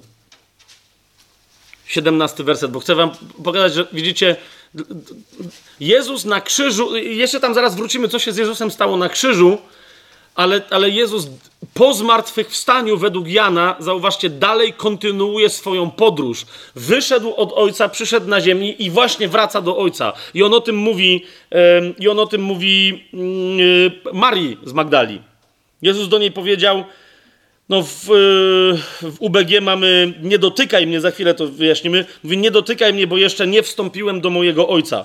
Ale idź do moich braci i powiedz im, powiedz im wstępuję do ojca mojego i ojca waszego i do mojego Boga i waszego Boga. E, ktoś ma, e, ktoś ma e, e, toruński przekład, bo ja nie wiem dlaczego dzisiaj, e, dzisiaj nie wziąłem. E, jak tam jest? Nie zatrzymuj mnie. No, no, no właśnie, y, jest taki, takie sformułowanie w języku greckim, że no dosłownie chodzi, ale tu Jezus, wiecie, y, bez sensu byłoby, żeby Marii z Magdali mówił nie dotykaj mnie, jakby wiecie, Jezus miał, y, jakby go ktoś dotknął, żeby mu coś to miało zepsuć, jak za chwilę przychodzi i mówi do to nasza dotykaj, tak? Wkładaj paluchy, więc to jemu chodzi o to, że nie, nie powstrzymuj mnie w tym ruchu, tak? Czy swoją miłością, czy swoim oddaniem, czy swoją wiarą, nie, nie powstrzymuj mnie, ale masz misję. Idź, powiedz moim braciom, że, że, że nadal wstępuję, tak? Jestem jeszcze wyżej niż krzyż, idę jeszcze wyżej, tak? Krzyż, nie, nie chcę teraz się głupio wyrazić, że jest, wiecie, odskocznią czy trampoliną w tym, w tym wypadku, tylko jest po prostu etapem drogi ku górze, tak? Jezus, Jezus w pewnym sensie jakby wobec dokonanego dzieła na Kalwarii, on stamtąd nie schodzi, tak? Do, do, no oczywiście wiemy, że schodzi do piekieł i tak, ale chodzi mi o to, że w sensie dzieła on, jest, on ma inny już zwrot, tak? Idzie, idzie w górę i znajduje się coraz wyżej i wyżej e, i wyżej w ramach swojego powrotu do, mm, e, powrotu do, mm, e, do Ojca. W 19 rozdziale natomiast, bo o co mi chodzi, jak powiedziałem, że, że co się dzieje, tak? 19 rozdział jest, jest, jest owym wywyższeniem Jezusa. I zauważcie, Jan, jak nikt inny, mówi: Jezus, wstępując na krzyż, został przez ludzi wywyższony, przez religijnych fanatyków niedostrzeżony, a nawet poganie, tak jak Rzymianin Piłat, zauważyli, co się dzieje. Jezus na krzyżu w Ewangelii Jana jest królem. Zobaczcie, w 19 rozdziale, w którym Jezus wisi, na, idzie na, na najwyższą możliwą górę, czyli, czyli górę, na której jest Golgotę, Kalwarię, na której jest krzyż. Jezus tam wchodzi jako król, jest tam ogłoszony jako król, bez żadnej wątpliwości, z wszystkimi królewskimi atrybutami. Zobaczcie, 19 mm, rozdział, trzeci werset. Drugi werset. Żołnierze upletli koronę z cierni, włożyli mu ją na głowę i ubrali go w purpurowy płaszcz. Mm? Jezus ma koronę, ma królewski płaszcz. I mówili: Witaj, królu Żydów i policzkowali go. Ale zauważcie, że nie ma tutaj tego aspektu, który pojawia się w innych miejscach. Jeżeli jesteś prorokiem, to zgaduj, kto cię uderzył. Zauważyliście, o co, o co chodzi? Oni go, yy, oni go biją, w sensie yy, to, dzieje się to, co się dzieje, ale zauważcie, jaki jest akcent Jana. On, on, mówi, oni, oni nie wiedzą, wiecie, krzyżowany Jezus, nie w tej Ewangelii, tak, u synoptyków mówi, ojcze przebacz im, bo oni nie wiedzą, co czynią. Oni tu też nie wiedzą, co czynią, w, w takim sensie, że no, oni myślą, że po ludzku właśnie dochodzi do, do czyjegoś upadku, a Jezus mówi, to jest właśnie wywyższenie, tak? Mówili, witaj królu Żydów. Zobaczcie, yy, najlepsze jest, bo, bo, bo, spójrzcie na siódmy werset, tak? Piłat mówi, weź, jak chcecie go krzyżować, to go sami ukrzyżujcie. Dajcie mi spokój. W szóstym wersecie, tak? I właśnie w siódmym Żydzi mu odpowiedzieli, my mamy prawo i według naszego prawa on powinien umrzeć, bo czynił siebie Synem Bożym. Rozumiecie? Do, nawet do Piłata, Rzymianina dociera, patrzcie ósmy werset, kiedy Piłat usłyszał te słowa, jeszcze bardziej się przeraził. Rozumiecie? Mówi, aha, to ja nie tylko teraz mam do czynienia z królem Żydów, tylko jeszcze z jakimś Synem Bożym. Co się dzieje, tak? I on go próbuje, on go próbuje ratować. Już mniejsza o to, bo nie będziemy całej tej historii tutaj czytać, ale rozumiecie, ewidentnie Piłat, nawet wobec tych oskarżeń, że my nie mamy nikogo, oprócz, zobaczcie dwunasty werset, tak? Piłat starał się go wypuścić, Żydzi jednak wołali, jeżeli go wypuścisz, nie jesteś przyjacielem Cezara. Każdy, kto się czyni królem, sprzeciwia się Cezar Cezarowi. Więc rozumiecie, nawet w obliczu, hej, nawet nie możesz, po prostu, tak? Nie, nie możesz, nie, jest, masz Cezara. My mamy Cezara, nie mamy żadnego króla. Nawet w obliczu takiej groźby, zauważcie, co robi Piłat. 14, 14 werset. Był to dzień przygotowania Paschy około godziny 6. Eee, tutaj mamy do czynienia z godziną szóstą nie według żydowskiej miary, tylko według miary rzymskiej, tak? Czyli to była nasza godzina szósta, czyli szósta rano, tak? To jest godzina, żeby później tam się chronologie wam nie, nie, nie, nie posypały. O szóstej rano e, Piłat powiedział, oto wasz król. No, zaraz nawet potem, jak oni powiedzieli, my nie mamy, ty nie możesz mówić, cesarz, a on mówi, to oto jest wasz król. To jest, y, to jest 14 werset. I zobaczcie, co się potem dzieje. Bo, bo, bo Piłat, jakby Piłat powiedział, nie wiem, co jest grane, w jakie, w jakie, w jakie, w jakie tutaj koła zębate historii zostałem wplątany. Nie wiem, co jest grane, ale, ale, ale ja to muszę zrobić. 19 werset i dalej. Sporządził też Piłat napis i umieścił go na Znaczy nie, nie sam, tylko kazał to zrobić, ale rozumiecie, to, to znaczy, że, że wykorzystał swój autorytet jako rzymskiego, jako reprezentanta Rzymu, jedynego prawnego reprezentanta Rzymu. Nikt nie był wyżej reprezentujący cesarza w tamtym miejscu jak on. Sporządził napis, a było na nim napis, a, a było napisane Jezus z Nazaretu, król Żydów. Napis ten czytało wielu Żydów, bo miejsce, gdzie ukrzyżowano Jezusa, było blisko miasta, a było to napisane po hebrajsku, po grecku i po łacinie. Jan mówi, wszystkie wtedy języki świata, którymi się ten świat posługiwał, tak? Nieważne kto, no po prostu, żeby wszyscy wiedzieli, Jezus z Nazaretu jest królem Żydów. Wtedy naczelni kapłani żydowscy powiedzieli do Piłata, nie pisz król Żydów, ale że on mówił, jestem królem Żydów. A, że to e, taka wypowiedź, że za głupią wypowiedź tutaj wisi. No, bo, bo się nie, nie fika do cesarza. Na co Piłat odpowiedział, co napisałem, napisałem. Znacie, yy, i, i w rzymskim yy, yy, prawniczym, że tak wyrażę, dialekcie, we, we wszystkich starożytnych wtedy kon, koncepcjach, to, to znaczyło, co, biorę odpowiedzialność pełną za to, co napisałem rozpoznaję tego człowieka jako króla Żydów, dlatego go skazałem na śmierć. Nie za to, że coś twierdził na swój temat. Skazałem go za to, kim był. Sami powiedzieliście. Nikt nie może występować przeciwko cesarzowi. Cesarstwo rzymskie rozpoznało tego człowieka jako króla Żydów. A więc widzicie, Jezus na krzyż wstępuje i na krzyżu jest rozpoznany i na krzyżu jest ogłoszony jako król w Ewangelii Jana. To, to jest to jest wywyższenie Jezusa na ziemi. I, i, I to jest chwała, o którą chodzi w Księdze Chwały od 13 do 20, do 20 aż rozdziału. Tak? No, 20 rozdział e, opowiada o zmartwychwstaniu Jezusa, E, i, i, pokazuje Jezusa chwalebnego, że to właśnie, że on pozyskując ten tytuł, następnie nie stracił go wraz ze śmiercią, ale teraz zaczyna go aktywować w zupełnie nowy, niewyobrażalny dla ludzi sposób, ale absolutnie zgodny z tym, co Stare Przymierze e, cały czas zapowiadało. Tak? List do Filipian. No, e, już parokrotnie go dzisiaj przywołałem. Otwórzmy sobie list do Filipian i to, e, i, i to przeczytajmy, bo, bo, to jest dokładnie to, co się. E, Paweł opisuje w skrócie to, co w Księdze Chwały jest rozciągnięte, czyli w tej części Ewangelii Jana jest rozciągnięte w parę rozdziałów. To jest drugi rozdział listu do Filipian. Od piątego wersetu. Niech będzie w was takie nastawienie umysłu, jakie też było w Chrystusie Jezusie, który, będąc w postaci Boga, nie uważał bycia równym Bogu za grabież, ale ogołocił samego siebie, przejmując postać sługi i stając się podobnym do ludzi. A z postawy uznany za człowieka uniżył samego siebie i był posłuszny aż do śmierci i to śmierci krzyżowej.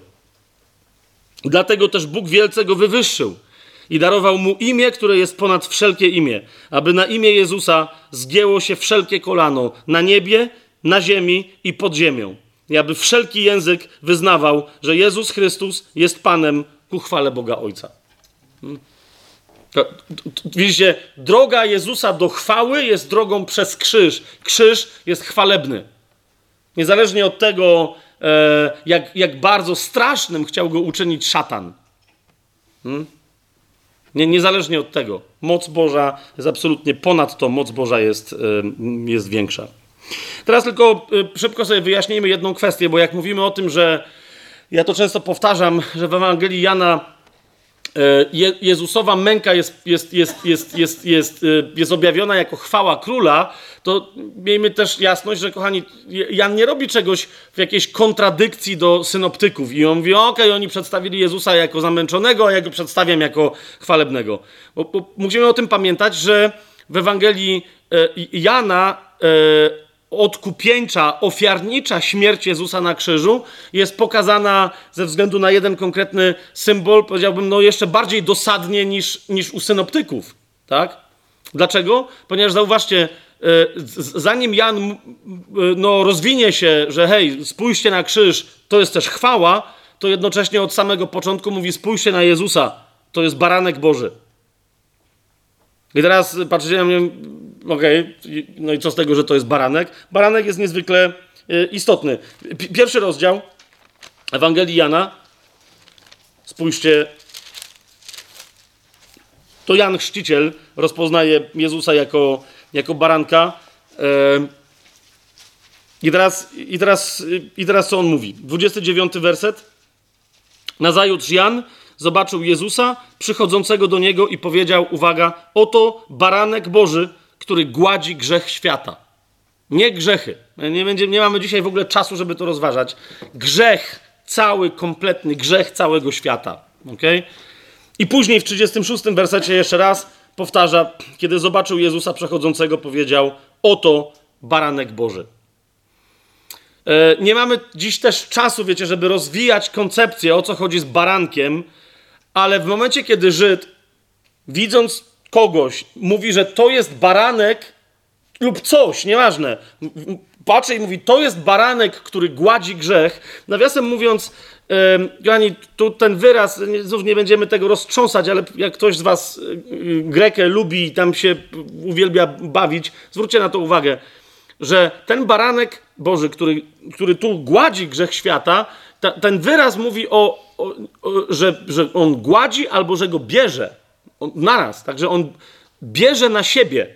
I to, to ma naraz to, to samo znaczenie, tak? To jest baranek Boży, który bierze grzech świata.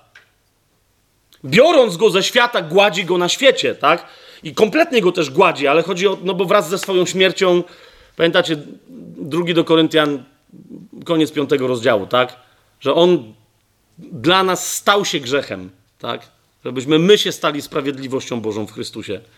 Więc on go bierze na siebie, bierze go w siebie i niszczy um, kompletnie. Ale, ale w momencie, kiedy, kiedy to, to o co chodzi Janowi? Do czego on nawiązuje? No po pierwsze, otwórzmy sobie pierwszą Mojżeszową, czyli Księgę Rodzaju, bo wiecie, nie, nie ma możliwości, żeby się nie odwołać do tego, do tego momentu. To jest 22 rozdział e, Księgi Rodzaju. Siódmy i ósmy werset, to jest, to jest ten, ta, ta, ta, ta scena, ta historia, kiedy Abraham myśli, że ma zabić swojego syna. Pamiętacie to? Izaaka, tak? Wychodzą na górę, nawiasem mówiąc, nie, znów dzisiaj nie mamy czasu, żeby to sobie dokładnie biblijnie pokazać, wątki i udowodnić, ale wychodzą, uważajcie, najprawdopodobniej, wszystko na to wskazuje, dokładnie na tą górę, która następnie jest Golgotą. Wychodzą na górę Moria. Abraham z Izaakiem. Ok? I teraz dlaczego, skąd my wiemy, że Moria to jest najprawdopodobniej Golgota? Mniejsza o to teraz. Um, ale wchodzą na górę Moria i, i, i, i posłuchajcie tego e, siódmy, ósmy werset 22 rozdziału. Izaak powiedział do swojego ojca Abrahama, mój ojcze, a on odpowiedział, oto jestem mój synu. Rozumiecie, jak, jak, jak potem wiecie, co się dzieje, ojciec z synem, masz w głowie, w sercu, rozumiesz, tętniącą Ewangelię Jana i, i, i czytasz z pamięcią o tych wydarzeniach opisanych przez Jana, jak czytasz ten dialog i wiesz, że to jest na tym miejscu, na którym później umrze Jezus. No to słyszysz, co się tu dzieje? Jak to wydarzenie staje się prorocze? Hmm? Mój ojcze, on odpowiedział, oto jestem mój synu. I zapytał Izaak, oto ogień i drwa, a gdzie jest baranek na ofiarę całopalną? Gdzie jest baranek? Na co Abraham mu odpowiada: Bóg sobie upatrzy baranka na ofiarę całopalną, mój synu. Hmm? To jest pierwsza rzecz, która abs absolutnie, wiecie, kiedy pada słowo baranek, który skoro ma wziąć na siebie grzech i to jeszcze tak skutecznie, żeby go zgładzić, to musi być baranek ofiarny. To jest pierwsza rzecz, która nam przychodzi yy, do głowy. Ale rzecz jasna, rzecz jasna, idźmy dalej. Yy, Księga Wyjścia, Otwórzmy sobie Księgę Wyjścia, drugą Mojżeszową, dwunasty rozdział. Rzecz jasna, tym barankiem, który, który, który, który nie tylko gładził grzech, tak, ale, ale tym barankiem, który ratował grzeszników przed śmiercią, przed karą za grzech, Tym, którzy przyjęli jego krew, jest kto? Jest baranek paschalny. No, e, e, no wiecie o co mi chodzi? Jezus, Jezus jest zabity wtedy, kiedy się zabija baranki paschalne w Ewangelii Jana. Tak? Do, dokładnie wtedy. Dokładnie wtedy. I teraz co wiemy o baranku paschalnym? 12 y, rozdział, wersety 3-7. Takie jest prawo Boże. Powiedzcie całemu zgromadzeniu Izraela, dziesiątego dnia tego miesiąca każdy weźmie sobie baranka dla rodziny, jednego baranka dla domu. A jeśli rodzina jest zbyt mała, aby zjeść baranka, niech dobierze go razem z sąsiadem, który jest najbliższy jej domu, według liczby dusz, naliczywszy tyle osób, ile mogłoby zjeść baranka. Wasz baranek, uwaga, uwaga, uwaga, uwaga, uwaga. Wasz baranek ma być bez skazy.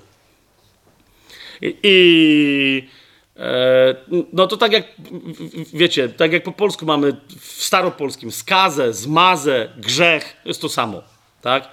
Ten baranek ma, no oczywiście baranek nie może być grzeszny, chodzi o to, że on musi być doskonały w sensie fizycznym, tak?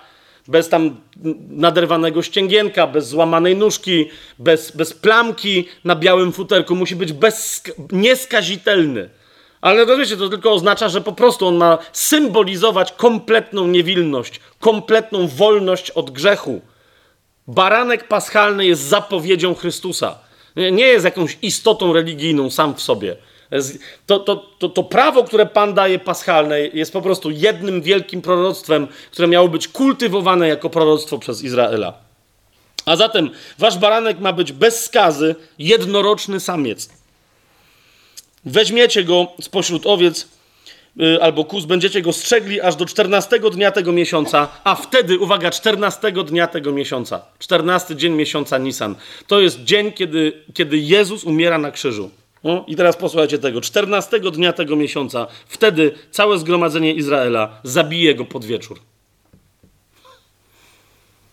Jak, wiesz o tym, co się potem dzieje, kim jest Jezus, co robi, na jaką godzinę przyszedł, rozumiesz? No nie da się teraz tego czytać jako nieproroctwa. Po prostu. Nie da się tego czytać. 11 werset do 14. Tak oto, to, tak oto będziecie go spożywać. Wasze biodra będą przepasane. Ja nawet nie będę teraz tego komentował, ale zauważcie, e, jak do tego paschalnego aktu, który my, dzięki któremu my żyjemy, każdy, kto wierzy w Jezusa, kto, kto przyjął Jego odkupieńczą śmierć na krzyżu za siebie, tak? To, to, jak później do tego wielu autorów w Nowym Przymierzu nawiązuje. Tak będziecie go spożywać. Wasze biodra będą przepasane, obuwie na waszych nogach i laska w waszym ręku. Będziecie go jeść pośpiesznie, bo to jest pascha Pana. Gdyż tej nocy przejdę przez ziemię e- Egiptu i zabiję wszystko, co pierworodne w ziemi Egiptu, od człowieka aż do zwierzęcia, a nad wszystkimi boga bogami Egiptu dokonam sądu. Ja, Pan. Hmm? Dokonuje się właśnie sąd nad władcą tego świata, mówi Jezus. To jest istota paschy a ta krew będzie dla was znakiem na domach, w których będziecie. Hmm? Przez wiarę w Jego krew. Trzeci rozdział listu do Rzymian. Mówi, on, jest, on jest przebłaganiem przez wiarę w Jego krew, mówi Paweł. Ta krew będzie dla was znakiem na domach, w których będziecie. Gdy bowiem ujrzę Jego krew, ominę was i nie dotknie was plaga zniszczenia, kiedy będę zabijał. Ten dzień będzie dla was pamiątką, Pamiętacie Jezusa, który mówi, to jest, to, ten chleb symbolizuje moje ciało, ta, to wino symbolizuje moją krew, to czyńcie na moją pamiątkę. To jest nowa Pascha, to jest nowa pamiątka, wieczna. Hmm? Ten dzień będzie dla was pamiątką i będziecie go obchodzić jako święto dla Pana po wszystkie pokolenia. Będziecie go obchodzić jako ustawę wieczną. 21 werset tam przeskoczmy. Wtedy Mojżesz wezwał wszystkich starszych Izraela i powiedział: Wybierzcie i weźcie sobie baranka dla swoich rodzin i zabijcie go jako paschę. Weźmiecie też wiązkę hizopu i zanurzycie we krwi, która jest w misie, i pokropicie nadproża i oba węgary tą krwią, która jest w misie. Niech nikt z was nie wychodzi za drzwi swojego domu aż do rana. Pan bowiem przejdzie i tak dalej, i tak dalej. Potem 24 werset. Będziecie przestrzegać tego jako ustawy dla ciebie i twoich synów aż na wieki. Kiedy wejdziecie do ziemi, którą da wam Pan, jak to obiecał, będziecie przestrzegać tego obrzędu. A gdy wasi synowie zapytają was, co oznacza ten wasz obrzęd, wtedy odpowiecie, to ofiara paschy Jahwe, który ominął domy synów Izraela w Egipcie, gdy zabijał Egipcjan, a nasze domy ocalił. Potem lud schylił się i oddał pokłon, tak jak ślepiec w Ewangelii Jana oddał pokłon Jezusowi. Jeszcze przeskoczcie do 46 wersetu, bardzo istotne, kiedy jest mowa o zasadach Paschy i, i, i odnośnie tego, jak postępować z barankiem. 46 werset tego 12 rozdziału mówi: W jednym domu będzie spożywany jeden baranek. Nie wyniesiesz z domu nic z jego mięsa i uwaga, i nie złamiecie jego kości. I nie złamiecie jego kości. I no pytanie, no dobra, jemy, kolacja, o co chodzi? Przypomnijmy sobie Ewangelia Jana, 19 rozdział. Mm. Na początku, w pierwszym rozdziale słyszymy, to jest baranek Boży. Tak? Na krzyżu kogo mamy? Króla, który składa ofiarę z samego siebie i jest barankiem. Skąd o tym wiemy? 19 rozdział, zobaczcie, 31 e, e, werset i dalej. Wtedy Żydzi, zaraz po tym jak Jezus krzyknął, wykonało się i umarł. Wtedy Żydzi, aby ciała nie zostały na krzyżu na szabat, ponieważ był dzień przygotowania, bo ten dzień szabatu był wielkim, prosili Piłata, aby połamano im golenie i zdjęto ich. Więc wyraźnie, i dostali na to pozwolenie, żeby połamać e, kości tym, którzy wisieli, bo nie tylko Jezus wisiał na krzyżu, jeszcze dwóch wisiało. Przyszli więc żołnierze i połamali golenie pierwszemu i drugiemu, który z nim był ukrzyżowany. Ale gdy przyszli do Jezusa i zobaczyli, że już umarł, nie łamali mu goleni, lecz jeden z żołnierzy przebił włócznią jego bok i natychmiast wypłynęła krew i woda. A ten, który to widział, świadczy o tym, a jego świadectwo jest prawdziwe i on wie, że mówi prawdę, abyście wy wierzyli. Uwaga, 36 werset. Stało się to bowiem, aby się wypełniło pismo, jego kość nie będzie złamana. Jakie pismo się miało wypełnić? 12 rozdział drugiej Mojżeszowej, 46 werset. Wyraźna, nie sugestia, wyraźne stwierdzenie. Okay? Prawo paschalne jest proroctwem. Prawo paschalne jest proroctwem. Teraz, yy, czy, czy w Starym Przymierzu to proroctwo było zawarte tylko w prawie paschalnym? Otwórzmy sobie Izajasza. Wiecie, gdzie idę, no ale gdzie mam iść?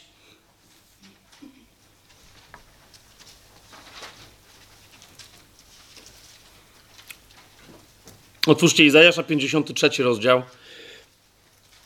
Od trzeciego wersetu. Izajasz, o którym Ewangelia Jana, pamiętacie, mówi, że Izajasz widział jego chwałę. Jezusa chwałę widział. Kiedy? No, no, właśnie to jest to, tak? Dokładnie wtedy, kiedy Jezus jednocześnie będąc u szczytu swojej ziemskiej chwały, jednocześnie był barankiem ofiarnym, składanym w ofierze. No to, to jeszcze raz, poczyta, sprawdźcie to w Ewangelii Jana, jaki, to, jaki tam jest szeroki i bliski kontekst. I, I, to jest ten moment. Izajasz 53 rozdział. Od trzeciego wersetu. Wzgardzony to, to jest Izajasz widzący Jezusa. Wzgardzony i odrzucony przez ludzi. Mąż boleści i doświadczony cierpieniem. I przed nim ukrywaliśmy jakby swoją twarz. Wzgardzony tak, że mieliśmy go za nic. Zaprawdę On wziął na siebie nasze cierpienia i nosił naszą boleść. A my uważaliśmy, że jest zraniony, uderzony przez Boga i przez Niego utrapiony. Lecz On był zraniony za nasze występki, starty za nasze nieprawości. Kara dla naszego pokoju była na nim, a Jego ranami zostaliśmy w pełni uzdrowieni. Wszyscy jak owce zbłądziliśmy. Każdy z nas zboczył na swoją drogę, a Jahwe na niego włożył nieprawość nas wszystkich. To jest baranek Boży, który gładzi grzech świata. Jahwe na niego włożył nieprawość nas wszystkich. Uciśniony i gnębiony, ale nie otworzył swoich ust. Jak baranek na rzeź prowadzony i jak owca przed tymi, którzy ją strzygą. Zamilkł i nie otworzył swoich ust.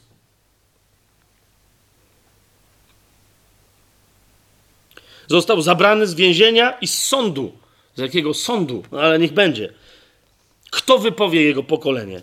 Został bowiem wyrwany z ziemi żyjących i zraniony za przestępstwo mojego ludu.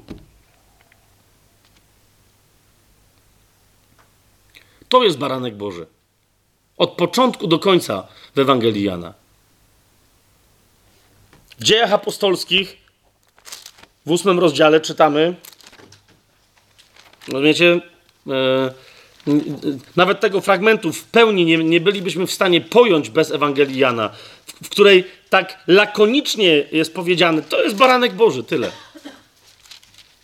No, ale prawda o baranku Bożym, zobacz jak jest mocna. Ósmy rozdział dziejów apostolskich. Wezmę, że 30 werset. To jest to, kiedy Filip został posłany przez ducha do Etiopa. Świetnie nam znana scena, ale wiecie, umyka w niej nam czasem ta jedna kwestia. Od 30 wersetu czytamy, ósmy rozdział dziejów apostolskich. Kiedy Filip podbiegł, usłyszał, jak tamten Etiop, tak, wędrujący z powrotem do, do Etiopii, jak tamten czyta proroka Izajasza i zapytał, rozumiesz, co czytasz? A on odpowiedział, jak mogę rozumieć, jak mi nikt nie wyjaśni? I zaprosił Filipa, aby wszedł i przy nim usiadł. A czytał ten fragment pisma. Jak owca na rzeź był prowadzony i jak baranek milczący wobec tego, którego strzyże. Tak on nie otworzył swoich ust. W jego poniżeniu pozbawiono go sądu, a któż wypowie jego ród? Jego życie bowiem zostało zabrane z ziemi. I zapytał eunuch Filipa, proszę cię, o kim to prorok mówi? Sam o sobie czy o kimś innym? Wtedy Filip otworzył swoje usta i zaczynając od tego fragmentu pisma, głosił mu Jezusa. No tak, zupełnie na marginesie, a propos naszego głoszenia Jezusa. Nie wiem, czy można w pełni mówić o naprawdę o głoszeniu Jezusa, jeżeli w ramach głoszenia Jezusa ktoś nie głosi Jezusa jako baranka prowadzonego na rzeź. Okay? Jeżeli w czyimś głoszeniu tego zabraknie, nie wiem, czy wtedy nie zabraknie w czyimś nawróceniu upamiętania godnego tego baranka. Jeżeli rozumiecie, o co mi chodzi. Okay? Są dzieje apostolskie. Spójrzcie jeszcze do, do, do, do Piotra. Nie będziemy więcej tego tematu rozwijać, ale, ale to dzięki Janowi rozumiemy baranka Bożego. Tak? Kim jest ta postać? Pierwszy Piotra list sobie otwórzmy. Pierwszy rozdział. To jest jeden z tych fragmentów. No, spójrzcie, co, co, co Piotr tam pisze. Nie tym, co zniszczalne, srebrem lub złotem zostaliście wykupieni z waszego marnego postępowania przekazanego przez ojców, ale drogą krwią Chrystusa jako baranka niewinnego i nieskalanego, lub też nieskazitelnego, przeznaczonego do tego przed założeniem świata, a objawionego w czasach ostatecznych ze względu na was.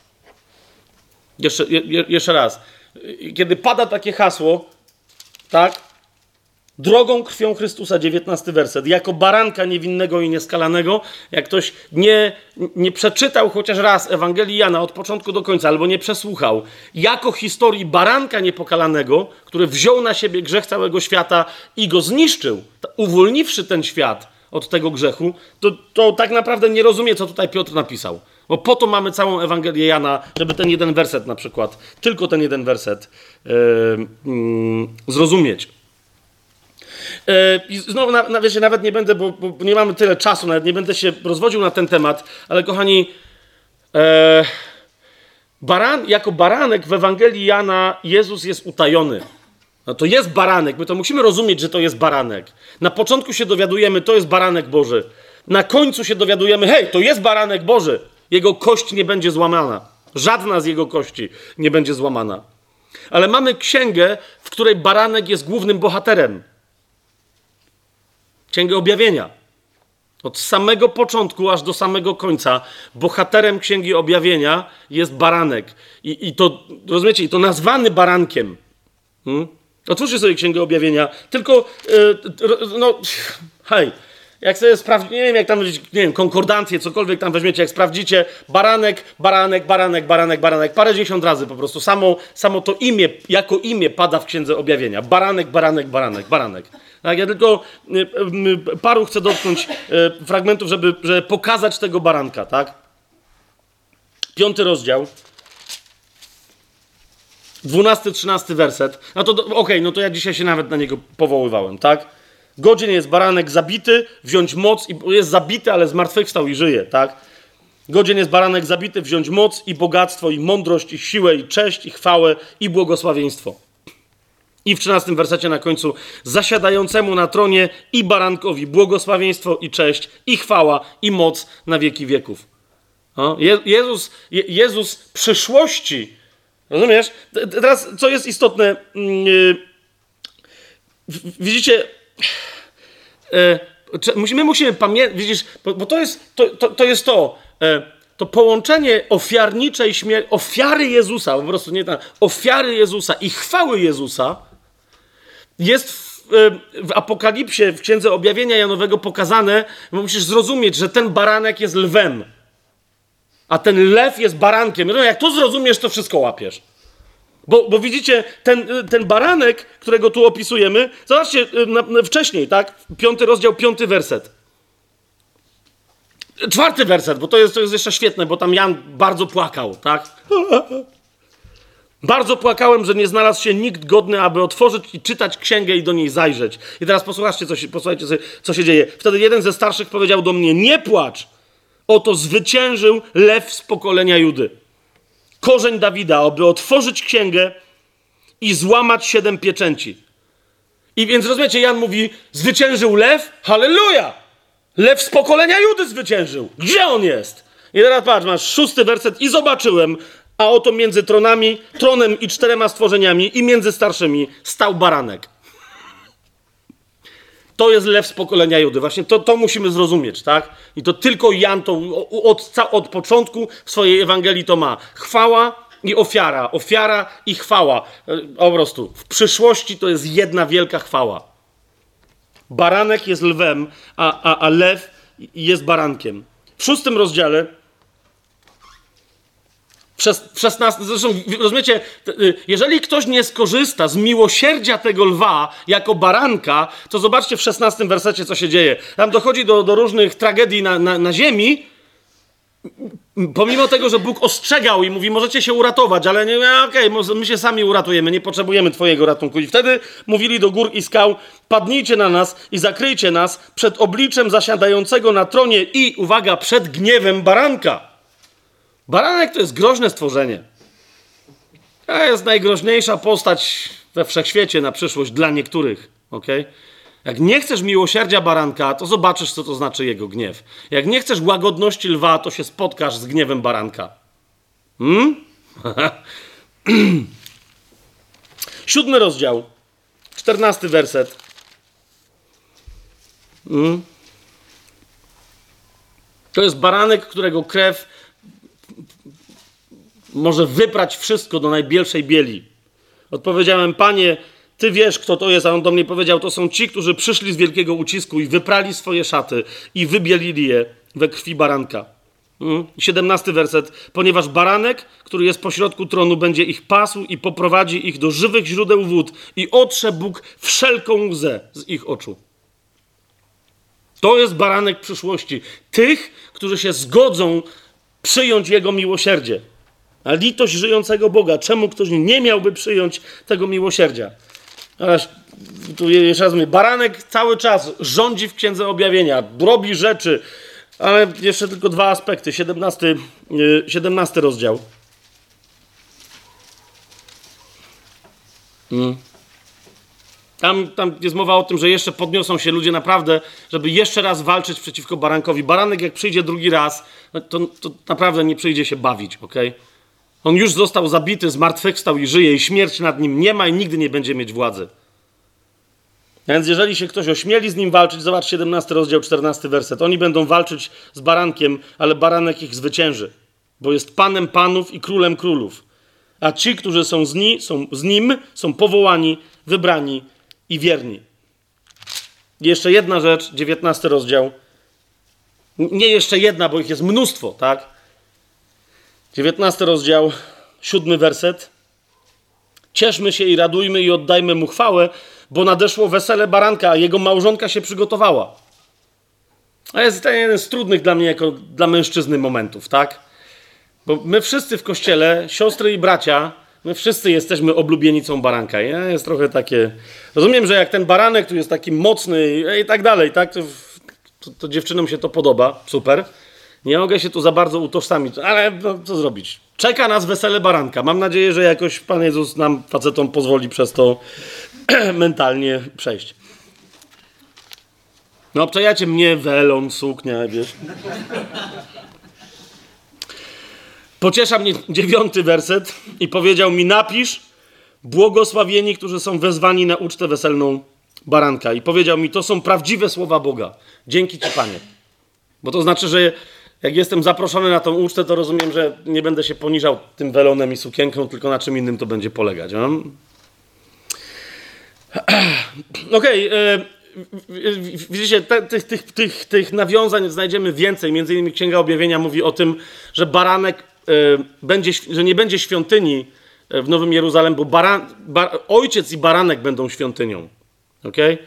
To, to nagle rzuca ci nowe światło, jak e, na początku e, Ewangelii Jana w drugim rozdziale Jezus mówi: Zbóżcie tę świątynię, ja ją odbuduję w trzy dni. Tak? I, i rozumiesz, on nie tylko mówił o świątyni swojego ciała, że, że zmartwychwstanie, ale, ale że on w tej formie stanie się świątynią na wieki. Coś niesłychanego. Ale to już nie będziemy teraz tego, nie będziemy teraz tego um, rozwijać. I jeszcze jedna um, bardzo istotna rzecz. Um, mamy jeszcze e, czas? Rękę mamy. E, jeszcze jedna bardzo istotna rzecz. Kochani, na którą e, mało osób zwraca uwagę, bo baranek to jest baranek, tak? Baranek jest związany z paschą. Zauważcie, że w zasadzie Ewangelia Jana cała jest e, kręci się wokół osi paschalnej. W sensie konkretnie obchodów tego święta paschalnego przez Żydów. Ok? Mamy trzy razy bezpośrednio, jasno wspomniane trzy różne święta Paschy. To jest bardzo istotne. Otwórzcie sobie Ewangelię Jana z powrotem. W drugim rozdziale, e, w trzynastym wersecie, zaraz po tym, jak, jak e, e, po dokonaniu cudów Kanie Galilejskiej, przemiany wody w wino, wrócił Jezus ze swoimi uczniami, nie tylko z uczniami, z matką i ze swoimi braćmi wrócili do, do Kafarnaum. W trzynastym wersecie mamy powiedziane, a zbliżała się a ponieważ zbliżała się Pascha żydowska, Jezus poszedł do Jerozolimy.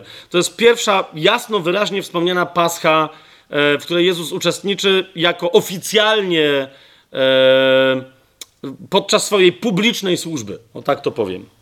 Tak? I w tym samym rozdziale, w 23 wersecie, nie tylko Jezus się udał na tą Paschę, ale na nią dotarł, bo czytamy 23 mm, werset, a kiedy był w Jerozolimie podczas Paschy w święto, Wielu uwierzyło w jego imię, widząc cuda, które czynił. No i to jest jedna paska. Gdzie mamy drugą paskę? Druga paska yy, jest wyraźnie wspomniana w szóstym rozdziale, w czwartym wersecie. Hmm? To jest kolejna paska, to jest bardzo istotne. Yy, skąd o tym wiemy? Że, bo niektórzy mówią, że ale to jest może ta sama, tylko jest jakiś inny opis. Nie, dlatego że pomiędzy tą paską opisanym w drugim rozdziale, opisaną w drugim rozdziale, a paską z szóstego rozdziału mamy jakieś święto. O tym jeszcze wspomnę, co to może oznaczać. W piątym rozdziale, w pierwszym wersecie, ok? w którym Jezus uczestniczył, także udając się do Jerozolimy. W piątym rozdziale, w pierwszym wersecie mamy powiedziane: Potem było święto żydowskie i Jezus udał się do Jerozolimy. I Jan nie mówi, jakie to jest święto. Tak? A więc mamy Paschę w drugim rozdziale, w piątym jakieś święto. Skoro Jezus udał się do Jerozolimy, to musiało być jedno z trzech pielgrzymich świąt, tak? Czyli albo było to święto Paschy, albo było to Szawuot, czyli Pięćdziesiątnica, yy, albo yy, święto namiotów, ale nie wiemy, co to było za święto, tak? W razie było jakieś święto i potem przyszła kolejna Pascha. A więc minął przynajmniej rok od tej paschy opisanej w drugim rozdziale, kiedy Jezus wypędził prze, pierwszy raz przekupniów ze świątyni. Mamy tu jasność, tak? Wszystko ok? Ok. Więc tu jest szósty rozdział, czwarty werset. Zbliżała się Pascha, święto żydowskie i potem się pojawia kolejna, yy, yy, kolejna Pascha w jedenastym rozdziale. To już jest ta Pascha, kiedy Jezus, yy, kiedy przychodzi godzina Jezusa, tak? W jedenastym rozdziale, w 55 wersecie czytamy a zbliżała się Pascha żydowska i wielu z tej okolicy szło do Jerozolimy przed Paschą, aby się oczyścić.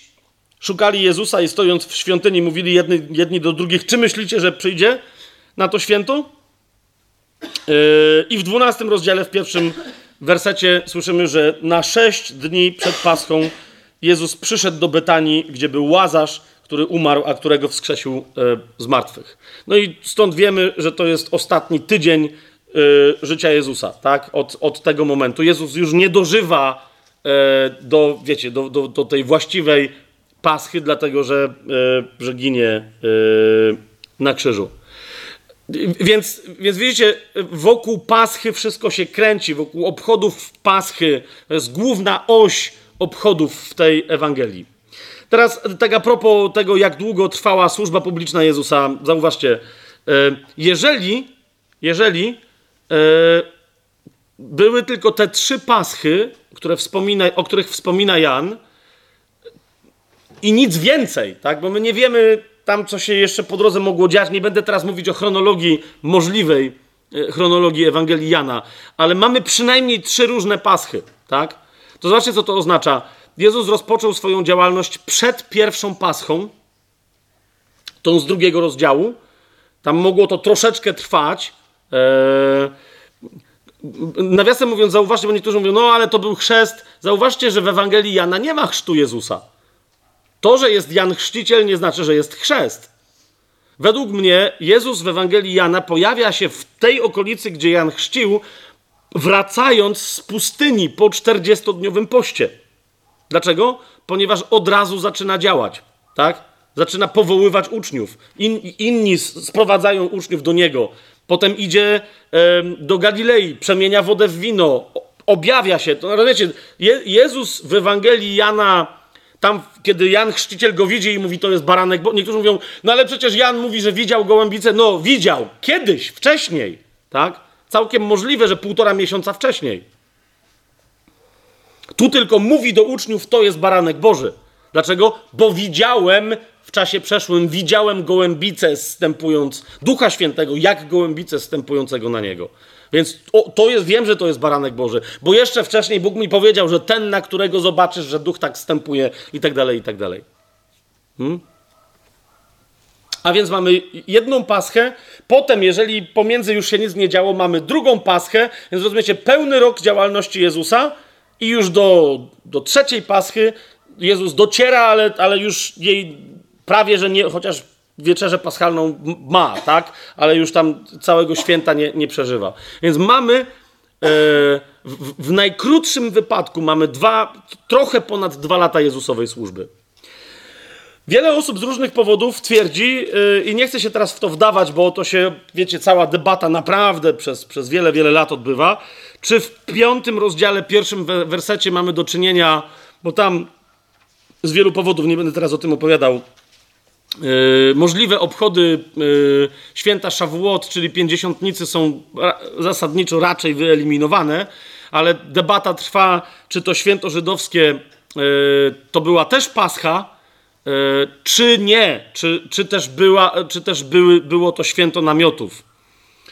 E, jeżeli było to święto namiotów, no to jest pytanie, dlaczego Jan nie powiedział, że to jest święto namiotów, bo w innym miejscu wyraźnie mówi, że jest święto namiotów i jako jeden, jedyny w Nowym Przymierzu wspomina święto namiotów w, taki, w Ewangeliach w taki otwarty, jednoznaczny sposób.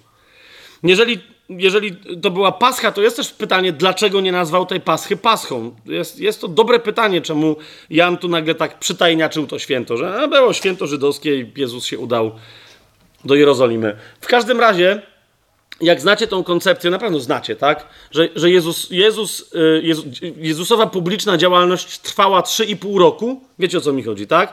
To, to, to, to twierdzenie wynika z przyjęcia, że w Ewangelii Jana w piątym rozdziale, w pierwszym wersecie chodzi o Paschę. Tak? Bo jeżeli to jest Pascha, to wtedy Jezus 3,5 roku e, pełnił swoją publiczną służbę. Tak? Jeżeli nie, i to jest, widzicie, to jest dosyć interesujące, bo Jezus w tej Ewangelii jest barankiem Bożym. I, i widzicie, to jest jedna, jeden z powodów, dla których ja się raczej skłaniam, że to wobec tego nie była Pascha. Wiecie czemu? Ponieważ baranek Boży miał być samcem jednorocznym. Znaczy, że miał skończony rok. To by wtedy znaczyło, że Jezus mógłby, gdyby dożył tej kolejnej paschy, trzeciej, tak? Dożyłby pełnego drugiego roku swojej służby, a tak idzie na śmierć jako nauczyciel, który ma za sobą tylko jeden pełny rok służby. Rozumiecie o co mi chodzi? Jeden od paschy do paschy, tak? No po prostu ma jeden rok od paschy do paschy i nie ma nic więcej. W tym sensie yy, byłby jednorocznym barankiem. Ale jeszcze raz, rozumiecie o co mi chodzi? To nie jest W sensie byłoby fajnie, jakby się tak okazało, ale to nie jest żadne moje twierdzenie, tak? Jest cool, wszystko gra, tak? Bo to widzę, że niektórzy tam zaczynają. Spokojnie, spokojnie. Tak sobie tylko powiedziałem. kolejna rzecz. Kochani, kolejna rzecz. Eee, kolejna rzecz. Bo Jezus. Ach, kolejna rzecz. Żeby kolejną, żeby, żeby, żeby szybko przejść do kolejnej rzeczy, e, kolejnej struktury w tej Ewangelii, związane jest z tym Jezusem, barankiem, Bogiem, ofiarą, który jest Bogiem i tak dalej.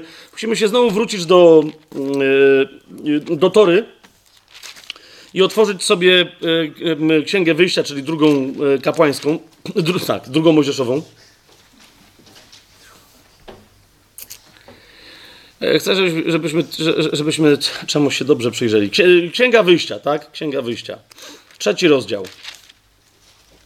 Tam jest ta sytuacja dobrze nam znana, kiedy Mojżesz spotyka się z Bogiem. Nie będziemy teraz całej tej historii opisywać, ale w trzecim rozdziale, w trzynastym wersecie, taki dialog się odbywa między, między Bogiem już wcześniej się objawiał i Abrahamowi, Izaakowi, i Jakubowi, a Mojżeszem. Mojżesz powiedział do Boga, to jest trzeci rozdział, trzynasty werset drugiej Mojżeszowej. Mojżesz powiedział do Boga, kiedy pójdę do synów Izraela i powiem im, Bóg waszych ojców posłał mnie do was, a oni zapytają mnie, jakie jest jego imię, to co ja im powiem? Wtedy Bóg odrzekł do Mojżesza, ja jestem, ja jestem. I dodał: Tak powiesz synom Izraela: Ja jestem, posłał mnie do was. I mówił jeszcze Bóg do Mojżesza: Tak powiesz synom Izraela: Jahwe, Bóg waszych ojców, Bóg Abrahama, Bóg Izaaka i Bóg Jakuba posłał mnie do was. To jest moje imię na wieki i takim ma pozostać w pamięci po wszystkie pokolenia. Ja jestem.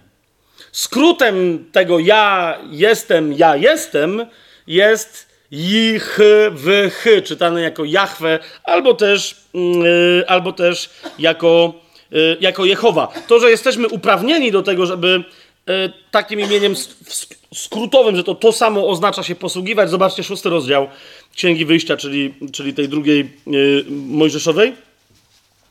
W szóstym rozdziale, no nie będziemy tam tego spotkania opisywać, ale Y, mamy taką wypowiedź, to jest drugi, trzeci werset. Nadto Bóg mówił do Mojżesza: Ja jestem Jahwe. Objawiłem się Abrahamowi, Izaakowi i Jakubowi pod tym imieniem Bóg Wszechmogący. Ale z mojego imienia Jehowa nie byłem przez nich poznany. Więc tu jeszcze raz on pokazuje, że to ja jestem, ja jestem w skrócie ich, wychy, że, że po prostu to jest, to jest, to jest to samo. I teraz wróćmy do Ewangelii Jana i zobaczcie, co się tutaj dzieje. Tamten, tam, tamta scena, którą wam przeczytałem, że Bóg się przedstawił, ja jestem, i mówi, ja jestem, to jest moje imię. Pierwsze objawienie imienia yy, Bożego w Septuagincie, czyli 300 lat przed Chrystusem, tłumaczonej z hebrajskiego na grecki tejże księdze, okay? Yy, Żydzi przetłumaczyli to ja jestem na grecki imię Boże jako ego eimi. Ja jestem. po prostu. Co mieli kombinować? Tak? I teraz w Ewangelii Jana, otwórzcie sobie szósty rozdział, ponieważ wczeje, widzicie, to dopiero wiedząc, nagle musimy docenić jedną rzecz. Hmm? docenić albo dostrzec, jak bezczelnie, naprawdę, znaczy bezczelnie, jak jednoznacznie Jezus do Żydów mówi, kim jest. To jest moje imię. Oni w tym czasie przestali się, w ogóle nie posługiwali się tym imieniem. Do dzisiaj Żydzi nie mówią o Bogu, ja jestem, Jahwe i tak dalej. Oni, oni mówią Haszem, to znaczy imię. O kogo masz na myśli? Haszema. Mam na myśli imię. No wiesz jakie imię, to którego nie możemy wypowiedzieć. A Bóg powiedział, tak mnie macie nazywać, tak macie mówić, tak? Ja jestem. Ty, Mojżesz, przyjdź i powiedz, ja jestem, mnie do was przysłał. Nie żaden Haszem. I teraz Jezus staje przed tymi, którzy, wiecie, nie, nie śmieli wypowiedzieć tego imienia, tak rozumieli, że jest święte, że jest świętym świętych, hmm? Nietykalnym. Szósty rozdział, zobaczcie. Mamy tam taką scenę, tak? Dziewiętnasty werset. Kiedy odpłynęli na około 25 lub 30 stadiów, a tam jest, wiecie, jest burza na jeziorze, bo to jest ta scena, jest burza na jeziorze. A jezioro to jest jezioro tyberiackie, czyli morze. Dla nich, tak? Odpłynęli na 25 lub 30 stadiów, ujrzeli Jezusa chodzącego po morzu i zbliżającego się do łodzi i zlękli się. Ale wiecie, no jaki człowiek chodzi po wodzie jeszcze jak jest sztorm? I teraz uważajcie, Jezus do nich podchodzi i mówi do nich, on powiedział do nich, ja jestem.